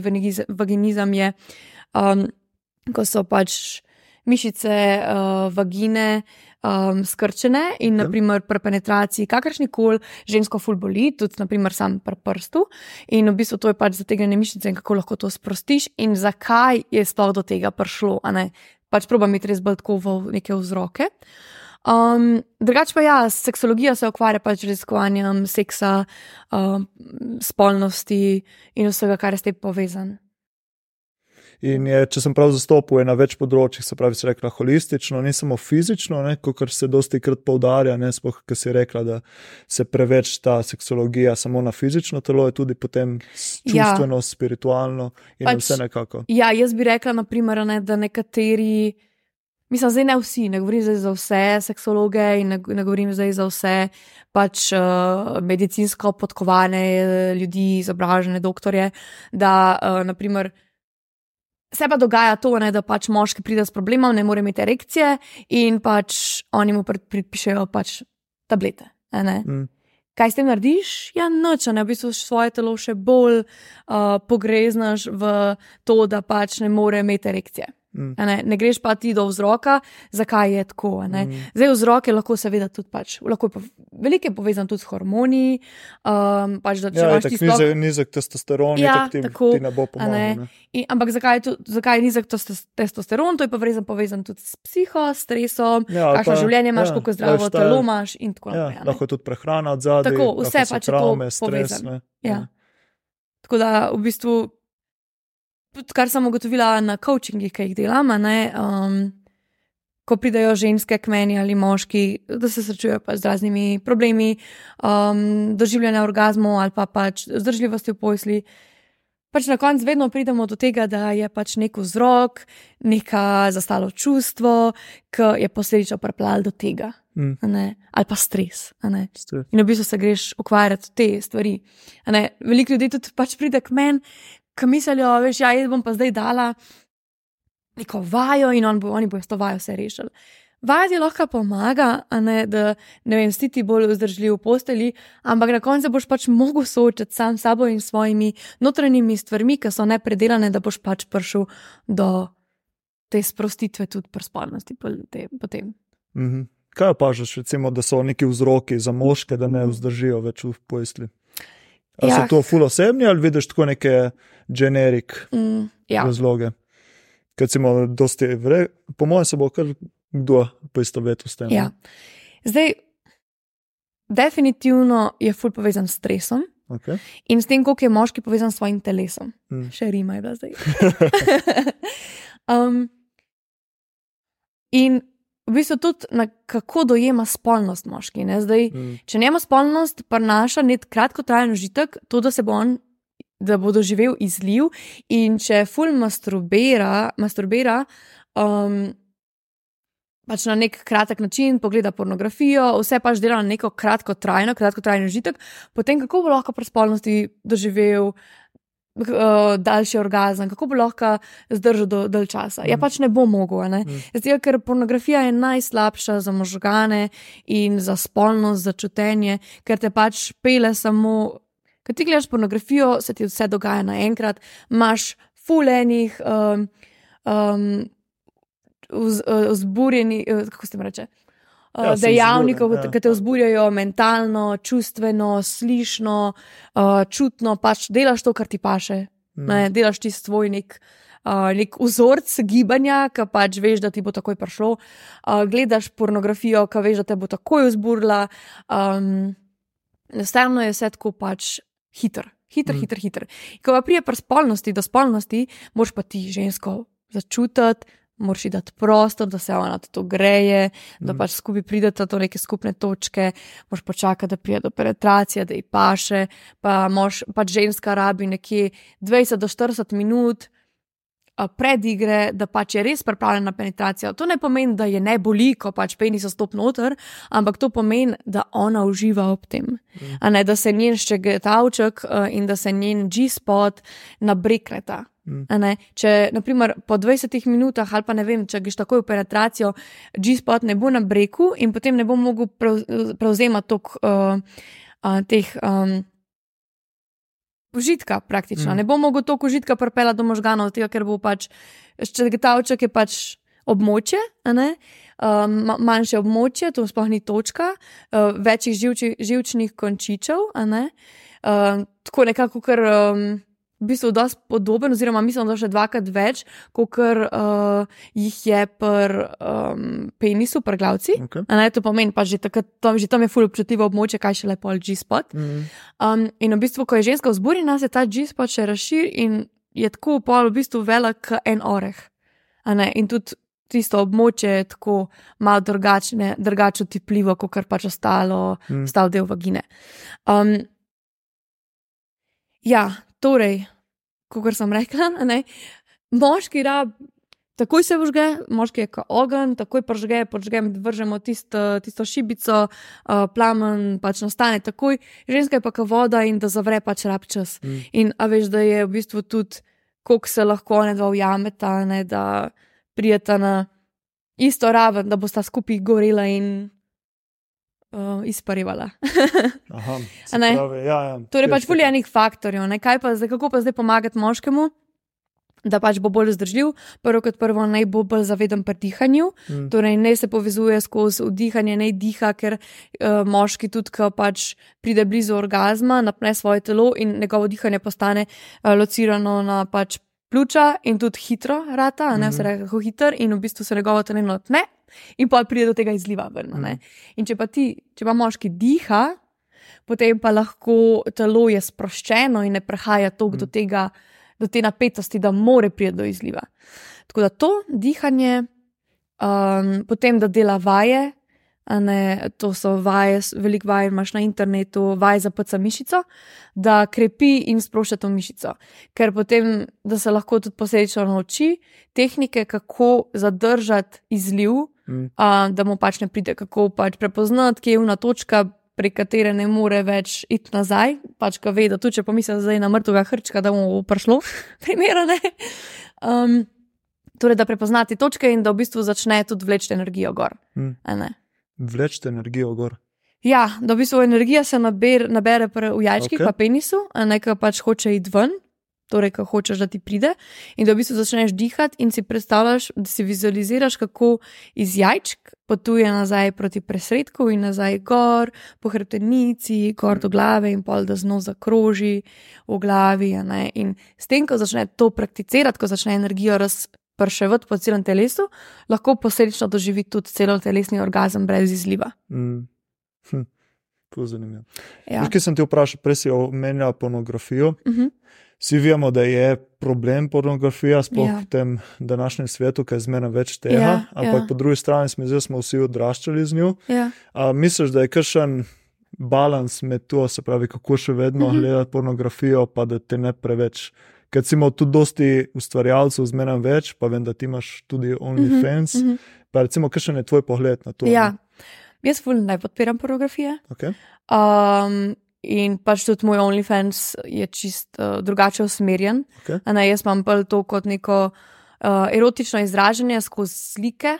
A, Uh, torej, v bistvu moj, moj cilj je, oziroma moja želja je, da enkrat v prihodnosti odprem tudi pač tako eno razstavo fotografij, ki pač skozi slike lahko ti tudi predstaviš erotično energijo. ne. mm, in bolj v smislu nekega tantričnega pogleda jaz to delam. In tudi mogoče je kdo razočaran, ko pride na moj OnlyFans, ki pač vidi, da ne ponujam nobenih dodatnih stvari, je v bistvu samo nek online muzej mojih pač a, okay. profesionalnih fotk, ki izražajo neko erotično, artistično izražanje. Pač eno, na hitro. No, tako. um, Glede pornografije, pa ja, definitivno smo odraščali z njo. Jaz sem, da tudi sem imela obdobje, ko sem vsak dan prišla iz šole in si požgala pornografijo in sem pač masturbirala. Um, in pa sem ugotovila, da ni to to, ne, da sem se mm. počutila tako da sprazno potem. In pornografija je droga mm. in je preveč izkoriščena, um, ker te res odpelje od telesa stran, da ti nerealna pričakovanja, kaj pričakovati od druge osebe v posteli in tudi od sebe.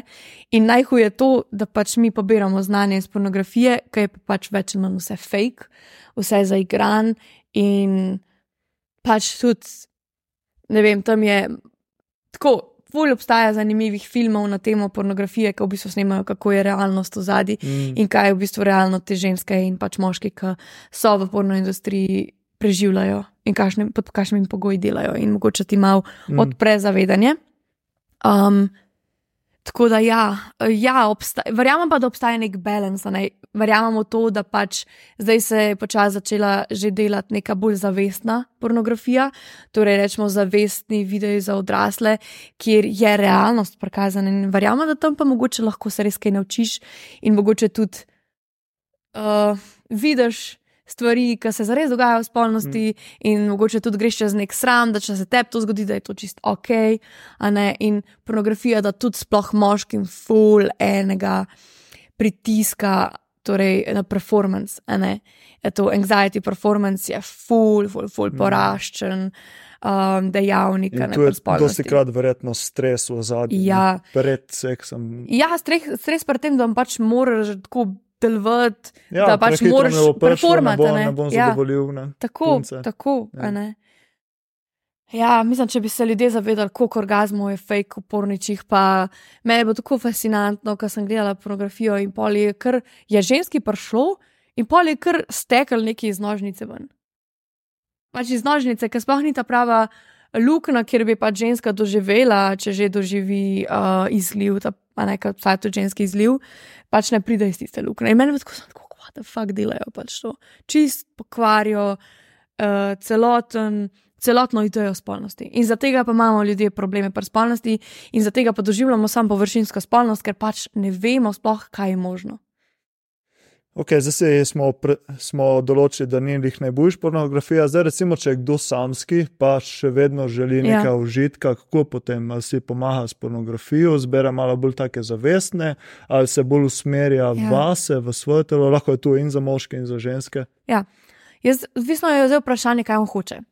A hoče pač kako da ima tudi uh, pač, uh, masturbiranje, hoče pač sam nam pride in to je to. Ja, ali pač... mogoče recimo ta kratki hit od ja. pornografije, je to ok, vsake toliko ali prav ne. Mislim, tako, če hoče pač nek hit, pa če loče napredvati, pa če hoče biti average lover pa pač ne gleda pornografijo. Ne? Mm. Vse ima pač izbiro to.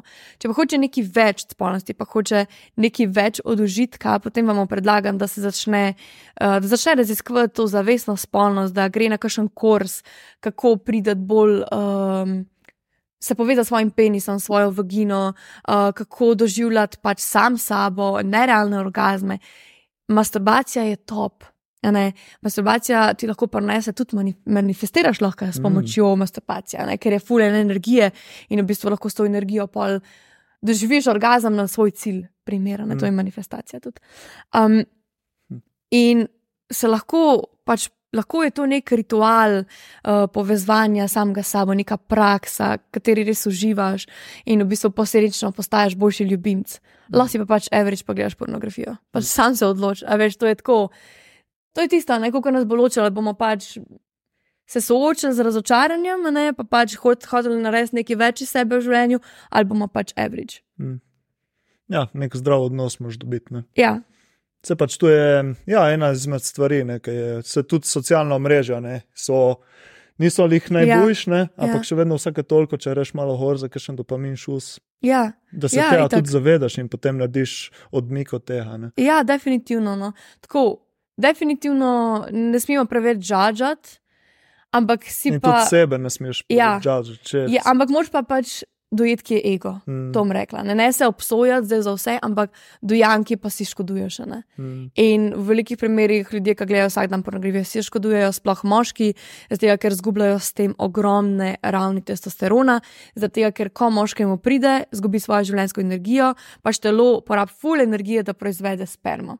In s tem, ko se sprazne, telo na mest, da bi um, dal svojo energijo v rast mišic, v koncentracijo in v stvari, ki ti pač te lahko podprejo v življenju, mora dati energijo v to, da spet proizvede spermo. Mm. Ne, in si prikrajšan v bistvu potem za bonitete. Mm. Zanimivo. Prej si se malo dotaknil, da se pravi težav, ki jih imajo moški v priseksu v posli, ja. zdaj mogoče še malo za mm -hmm. drugi pol, za ženske. Ja. Kaj vidiš, da je največ težav, pa kako sprašuješ glede mm -hmm. tega? Um, čakaj, največ težav. Okay. Um, ja, ženske se soočajo predvsem s težavo spuščanja kontrole, uh, predaje moškemu, mm. občutka varnosti. Mm. Um, v bistvu bi rekla, da je pri njih manj fizičnih faktorjev, kot pri moških, kjer je mogoče pač daljša erekcija uh, in v bistvu prehitri ali pa pre, ja. počasni, oziroma predolg časa, da pač ti pride orgasmi. Um, Pri ženskah je pa pač mogoče bolj na psihi, bolj na stresu, um, bolj tako iz nekega ja, notranjega stanja. Ne. Pri moških je pa mogoče malo drugače, malo bolj je povezan s fizičnim telesom. No, tako bom mm, rekla. Okay. In kako pa le pomagaš, recimo, pri teh izzivah ženskih? Je to ful individualno? Ja, dosti ali... je individualno. Mislim, Zdaj bom začela pač ponujati, bom naredila tudi neke online programe, okay. kjer bo lahko in, pač, bo in za moške, in za ženske, kjer bojo lahko sami delali. Ampak če hočeš zdaj ti res prijeti nekam noter, je ful lažje, če imaš podporo. Hmm. Definitivno lahko sam. Ampak je lažje, če imaš ti podporo, neko kar prstah stvari, da te nekdo usmerja, da ti pomaga čez neke te težke emocije, iti, ali pa da ti mogoče da v pogled v nekaj, kar ti še nisi sposoben videti. Mm. Um, Tako da, ja, pri ženskah imamo v bistvu to, da se začnejo čutiti, da se povežejo s telesom nazaj, a, da se počutijo varno, fuleti varnosti, ne, ker je to generacijsko večji problem pri ženskah, kot pri moških, a ne ta varnost, da se počutimo varne. Um, tudi z moškimi, ne, to je pač zelo generacijsko, zelo ta zgodovinski vzorc, ki se mm. ponavlja. Um, Potem pa tudi samo podoba, sprejemanje sebe, svojega telesa, um, ljubezen do sebe, praktično in ja, ta kontrola. Hmm. Okay. Cool. Prej si parkrat omenila, da bi se ustavil še na tem aspektu seksualne energije, moške, mm -hmm. ženske mhm. energije. Mm -hmm. Kako ti to dojemaš, ker vem, da so različni pogledi na to. Um, ampak če se mi zdi, če je dobro znaš integrirati in moško in žensko energijo, lahko ti to ful pomaga. Ja. Tako pri moških, kot pri ženskih, da se malo še pri tem ustavi. Ker tu se mi zdi, da je tudi kar abstraktna tema, ta ženska energija, moška energija. Žensko energijo se mi zdi, da se ful preveč povezuje s tem, da je pač. Taka mila, oziroma ja, to, ja. moška energija, pa preveč taka, kako se reče, Meskri, toksična, Aha, toksična moška energija. Hmm, okay. um, Pa ja, jaz bom mogoče da najprej tako razdelim, kako si to predstavljam. Pač je energija in imaš, rečemo, da je energija ena vrv. in imaš en konc in drug konc. In pač to so samo dva različna pola, in zdaj ljudje to poimenujejo kot žensko-moško energijo. Zdaj, ker večino žensk je bolj v enem polu energije, večina moških bolj v drugem polu energije. Okay. Vsi pa imamo to vrv vse in vsi imamo ta dva pola, in cilj je tudi najti balans med tema poloma. Zdaj, obstajajo, obstajata torej dva pola in vsak pol ima plus pa minus. Okay. In, naprimer, če rečemo, da je pač neki ženska energija, neki moški energija, imaš pozitivno, zdravo žensko energijo, imaš negativno, nezdravo žensko energijo in isto zdravo in nezdravo moško energijo. In kaj se dogaja zdaj, je, da ta toksična moška energija je pač nezdrava moška energija. In tudi nekako nezdrava ženska energija, miks tega. Mm -hmm. In toksična ženska energija je pa pač nezdrava ženska energija in tudi malo nezdrava moška energija. Ne? To je pač vse tako prepleten. In v bistvu moraš pa sebi videti, kako se. Ok, mogoče da še povem, kaj je nezdrava moška, pa ženska, tako da malo ja, opišem. Za opis. Ja. Torej, zdrava ženska energija mm, je, da je ženska opolnomočena vse, da um, v bistvu čuti sebe, da izraža svoje čustva na zdrav način. Pa ne bomo rekli, da je to ženska, rečemo to moški in ženska. Torej, da, ma, da čuti svoje telo, da čuti svoje čustva, da jih izraža jasno. Um, Na tak način. To pač tudi moški, ne? to zdaj imajo moški in ženske mm. ta pol. Nezdrava ženska energija pa je, da nismo povezani s svojimi čustvi, da ne znamo izražati zares svojih čustev, kar se predvsem vidi tudi pri um, moških, da jim manjka ta aspekt energije, torej ta aspekt ženske energije. Uh, ko niso povezani s svojim telesom, niso povezani s svojimi čustvi, ful težko izražajo, kaj si želijo, kaj, kaj, kaj čutijo. Ful jim je težko pač, no, rajš. Mm to povejo na nek surov način, kot pa da grejo, da so ranljivi. Mm. Torej, ženska energija predstavlja tudi neko ranljivost. Um, moška energija je pa pač ta neka odločnost, da greš za svojimi cilji, za svojimi željami, da zastoji za sabo. Tak, uno, da si postavljen, rečemo, nek stebr je mm. moška energija, ženska energija je pa kar nek, v bistvu, taka, neka voda, mm. neka. Nek ples, tam, ne, pretočnost. Ne, in v bistvu, ko imamo mi to združen, je pač neko ravnovesje pri nas in mm. je tudi ravnovesje v hormonih, pol med ženskimi in moškimi hormoni. Um, če pa pač karkoli od tega in tudi pač povezane, tudi če imaš ti hormone neki več, manj, je ponavadi se takoj na ven vid, da pač imaš nek mm. ženske in moške energije preveč, oziroma ti nekaj manjka. Um, tako da ja, jaz bi rekla, mogoče zdaj, če posplošim, kaj se dogaja zdaj v našem svetu. Včasih rečemo, da 50 let nazaj so bili moški bolj v neki toksični moški energiji, v negativni moški energiji, nezdravi moški energiji, um, ker so pač mogli biti. Ful postavljeni, že zaradi same vojske, vojn, ki so se dogajale, um, in niso smeli biti ranljivi, ker so bili ranljivi, so lahko umrli. Mm. Čisto enostavno. In to se je potem preneslo z generacije na generacijo in se je pozabilo, zakaj so že začeli tako funkcionirati, ne, da pač je bil to nek razlog, da so pač v tistem obdobju mogli tako funkcionirati in se zgubili to ranljivost. Ne. Ampak v resnici, kar je pa, pa fora, je pa, da znotraj sebe je bila pa ta, ta stebr čist fake mm. in v bistvu so bili full ranjeni. Mm. In ženske so bile pa pač tudi, rečemo, da skozi zgodovino čist tako, ne mm, niso smele sploh biti v neki tej zdravi ženski energiji, ker pač niso smele biti opolnomočene, ker jim je krščanstvo pa vera so jim to prepovedvala, ne? ker opolnomočene pomeni tudi, da se svobodno izražajo, kar pa tega niso smele delati, so bile pač v neki nezdravi ženski energiji, kjer so bile pač odvisne od drugega, so bile v neki vlogi žrtve in so pač čakale na savior, princa na belem konju, da jih reš. Mm. Zdaj se pa to začelo malo transform transformirati. Še pa v drug ekstrem, ne? Ja, zdaj šlo pa v drug ekstrem.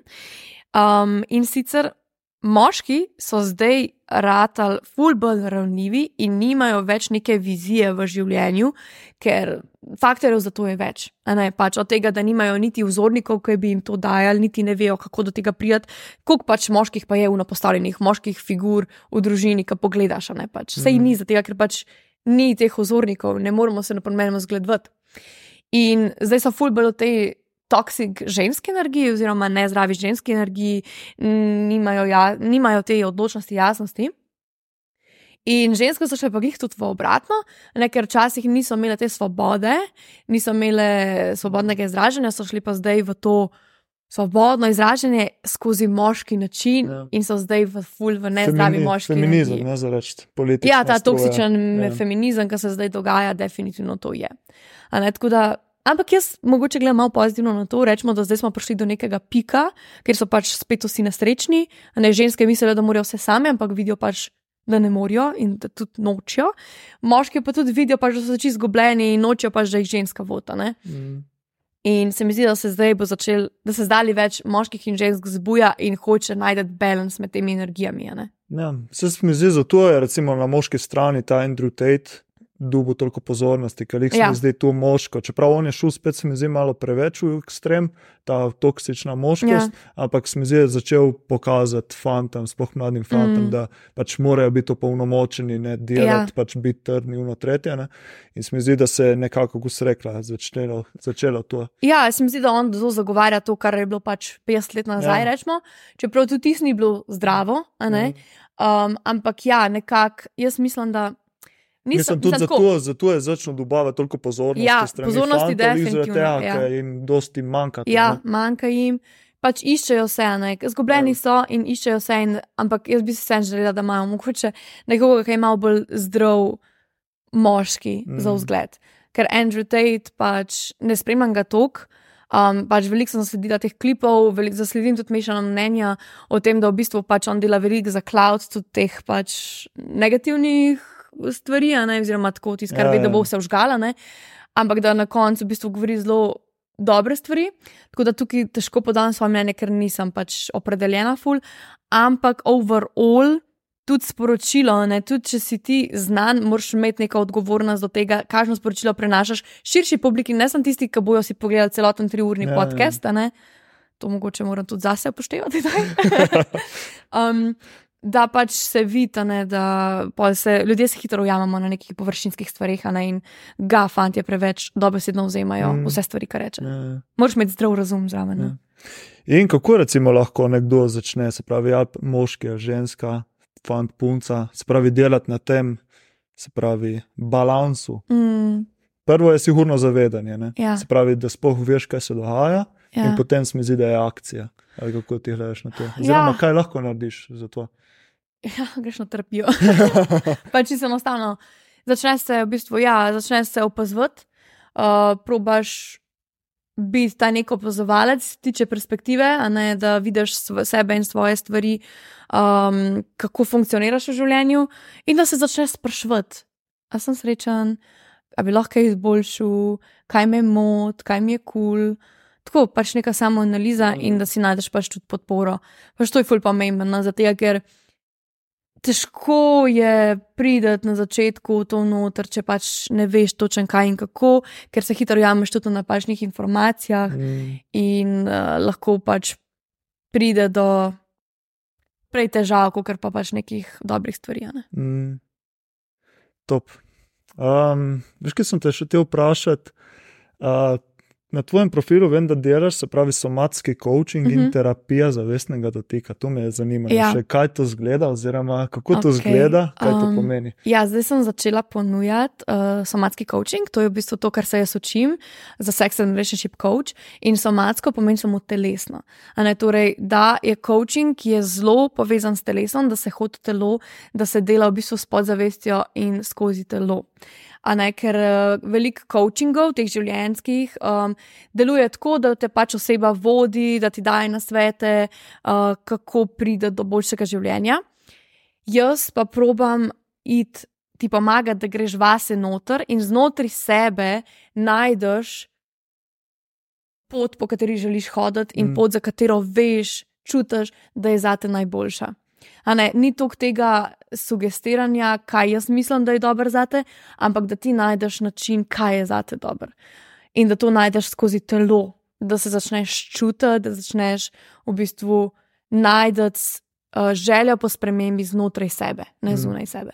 Tako nekako. In tako, kako to poteka, se pravi, skozi neke masaže, terapije. Uh, sam coaching je Ja, v bistvu tako, pač skozi um, pogovor, trenutno izvajam pač online coaching, pogovor in razne vaje, ki greva noter v telo. Mm. Pač to je zdaj čisto odvisno, na čem, um, kje imaš izzive, a ne zdaj je to intima, so to čustva, je to pač nekaj, nekaj od tega, pač, kar je bolj povezano z mojimi tematikami. Um, tako da ja, je bolj nek pogovor in izkustvo Mhm. preizkustvo kot pogovor. Pogovora je pač vse malo, ki moš komunicirati, mm. Mhm. ampak bolje izkustvo in kaj ti izkusiš vse noter. Kaj pa ta terapija zavestnega dotika, to pa verjetno ja. na fizični. Fizični ravni. Terapije zavestnega dotika so pa ena taka zelo transformativna in globoka izkušnja. Um, to je v bistvu kombinacija masaže in terapije. Okay. Um, bi rekla, da je mogoče tudi malo podoben tantrični masaži, so neki tantrični um, principi, ampak ne čist. Um, in sicer je fora, da je jaz tam v bistvu skozi dotik, zavesten in poln ljubezni dotik, um, pomagam tebi, da skozi telo začutiš stvari, spet je pač full telesno Mhm. usmerjeno. Um, in kaj se ti dogaja spodaj, in kar pride na površje, s tistim potem delava. In je res pač dosti je, dosti je telesno in masažno usmerjeno Mhm. uh, skozi ta dotik, ker kaj nam manjka v življenju, pač ljubezen, a ne doti- dotik in ljubezen in ta zavestnost. In ko ti vidiš, da je neka oseba tam zate prisotna in da ti da ljubezen in dotik, ki je mogoče nisi dubo od staršev, nisi dubo od sebe, od partnerjev, te lahko ful pohila. Mm. A ne lahko sam sebe ful pohilaš, si daš prostor, da začutiš stvari, ki so ujete in da jih sprostiš skozi ta dotik. Pol. Mm. Ful je lepo. Ful. Meni je ful pomagal, pač meni so te terapije tako svete. Mm. Hm, ful zanimivo. Mm. Jaz sem rekel, zdaj nam gre čas proti koncu, mm Mhm. -hmm. tako da sem rekel, da te še vprašam. Ne vem sicer, če je res, ampak sem zasledil na enem podkastu, da si bila tudi striptizeta in Ja, ja. okay. e, erotična maserka. ja. Da še malo to na hitro Okej. povej zgodbo. Mm, ja, um, v bistvu, koliko je bilo to? Ne vem, okoli, kako sem bila stara, okoli 22, Okej. 23, 22, 23, tam okoli sem začela delati kot erotična maserka. V bistvu je bila fora, da jaz imam pač tak urnik, ker imam veliko treningov, ker sem trenerka košarke še zraven, da enostavno pač ne morem imeti neke redne službe od do. Ne?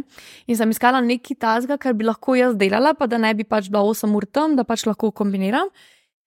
In pa sem zakaj zasledila to erotično maserstvo, in pa sem tako, pa dobro, ne se to je neki tazga, ki bi mogoče me pripeljal um, do neke večje prakse, nekaj takrat sem že raziskvala seksologijo.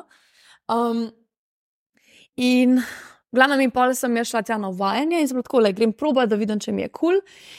In sem šla na uvajanje, en dan sem imela tisto uvajanje, bilo je zelo grozen. Pač, bilo je najhujši, najhujši primeri ever.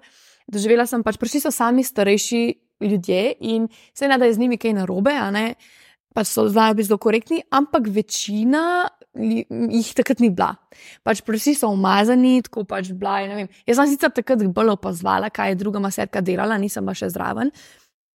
Ampak ona je pač tam imela nek svoj način, ki meni ni bil v redu, da je pač dobesedno so jo tisti detki tam naskakvali. Um, pač tako imela je tako roke okay. na vagini in oni so jo pač se drgnili tam bom njo. Pač meni je bilo to, če je to erotična masaža, to ali pač no fucking fuck? way.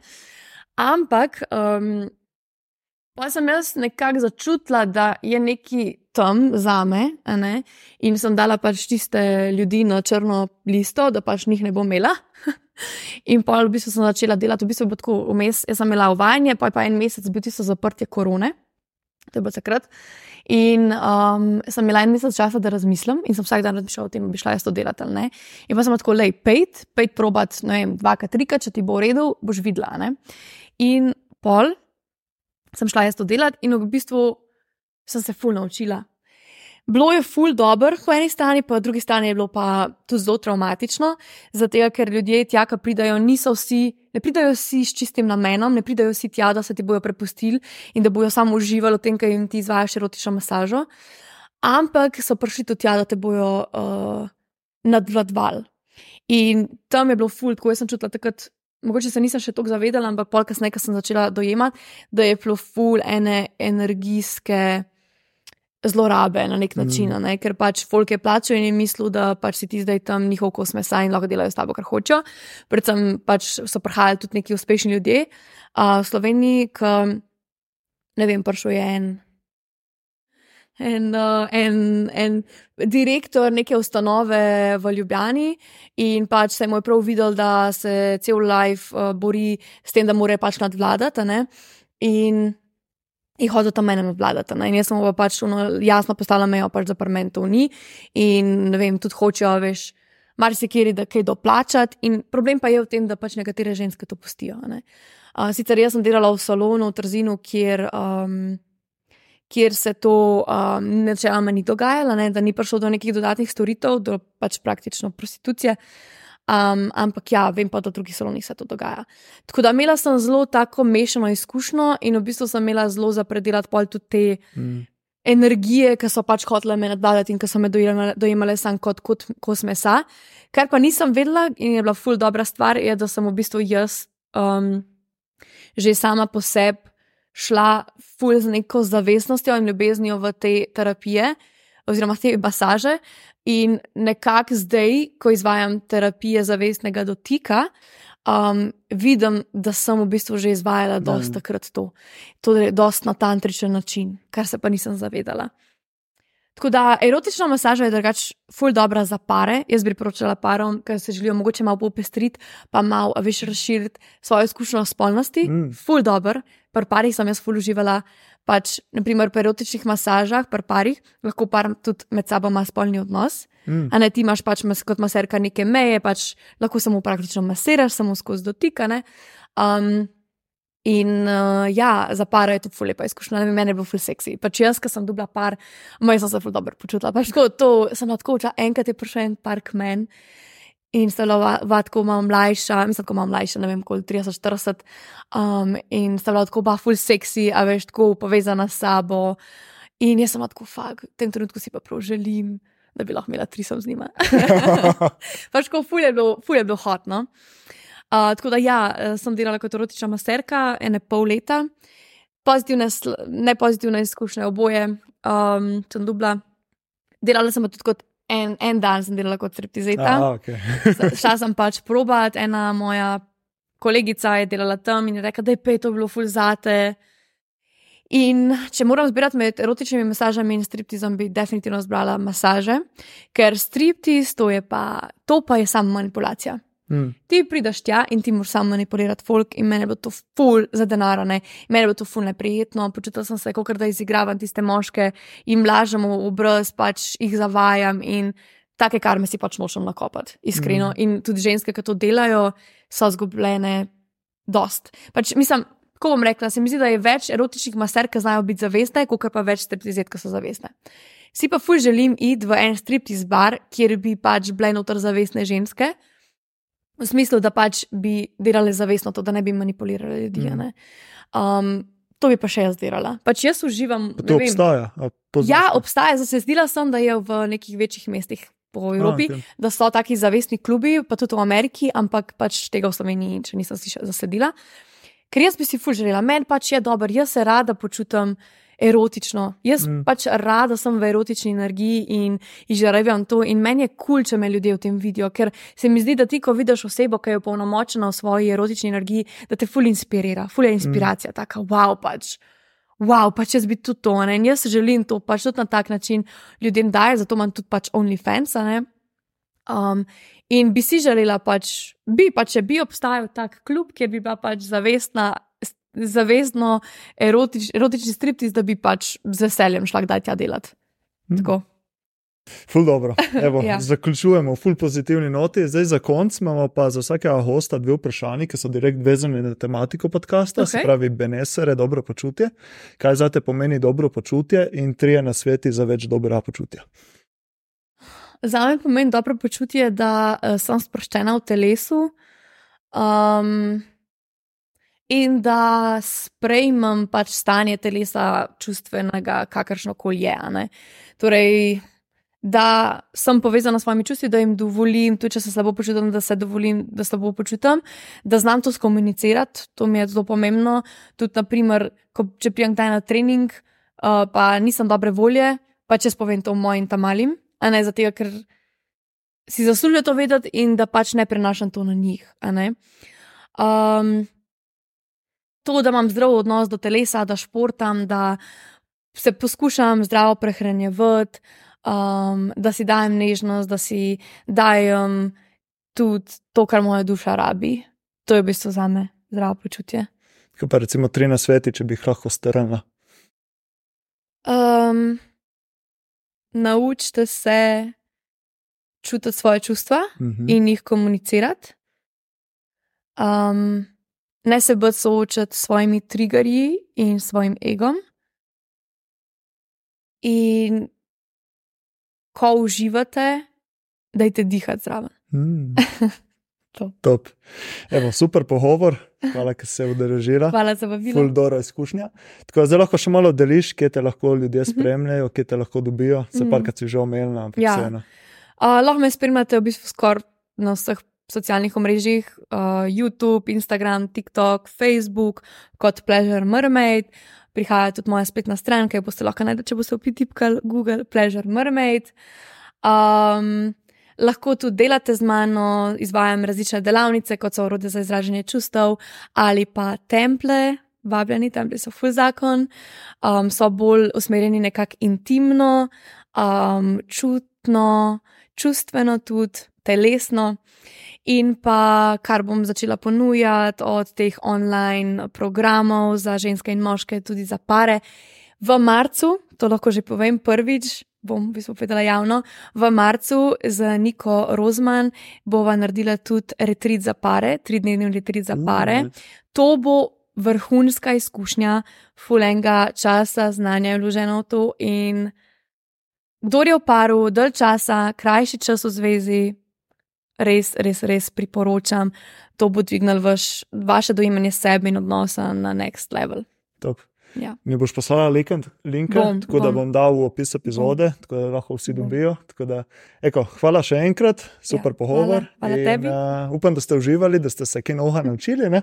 Tako da vzemite, kar je bilo dobrega, puste, kar je bilo, pač, Ja, kar ni za vas. Ne? tako, to je to. točno to. Tako da, uh, hvala še enkrat in se vidimo. Čau, čau. Čau, čau.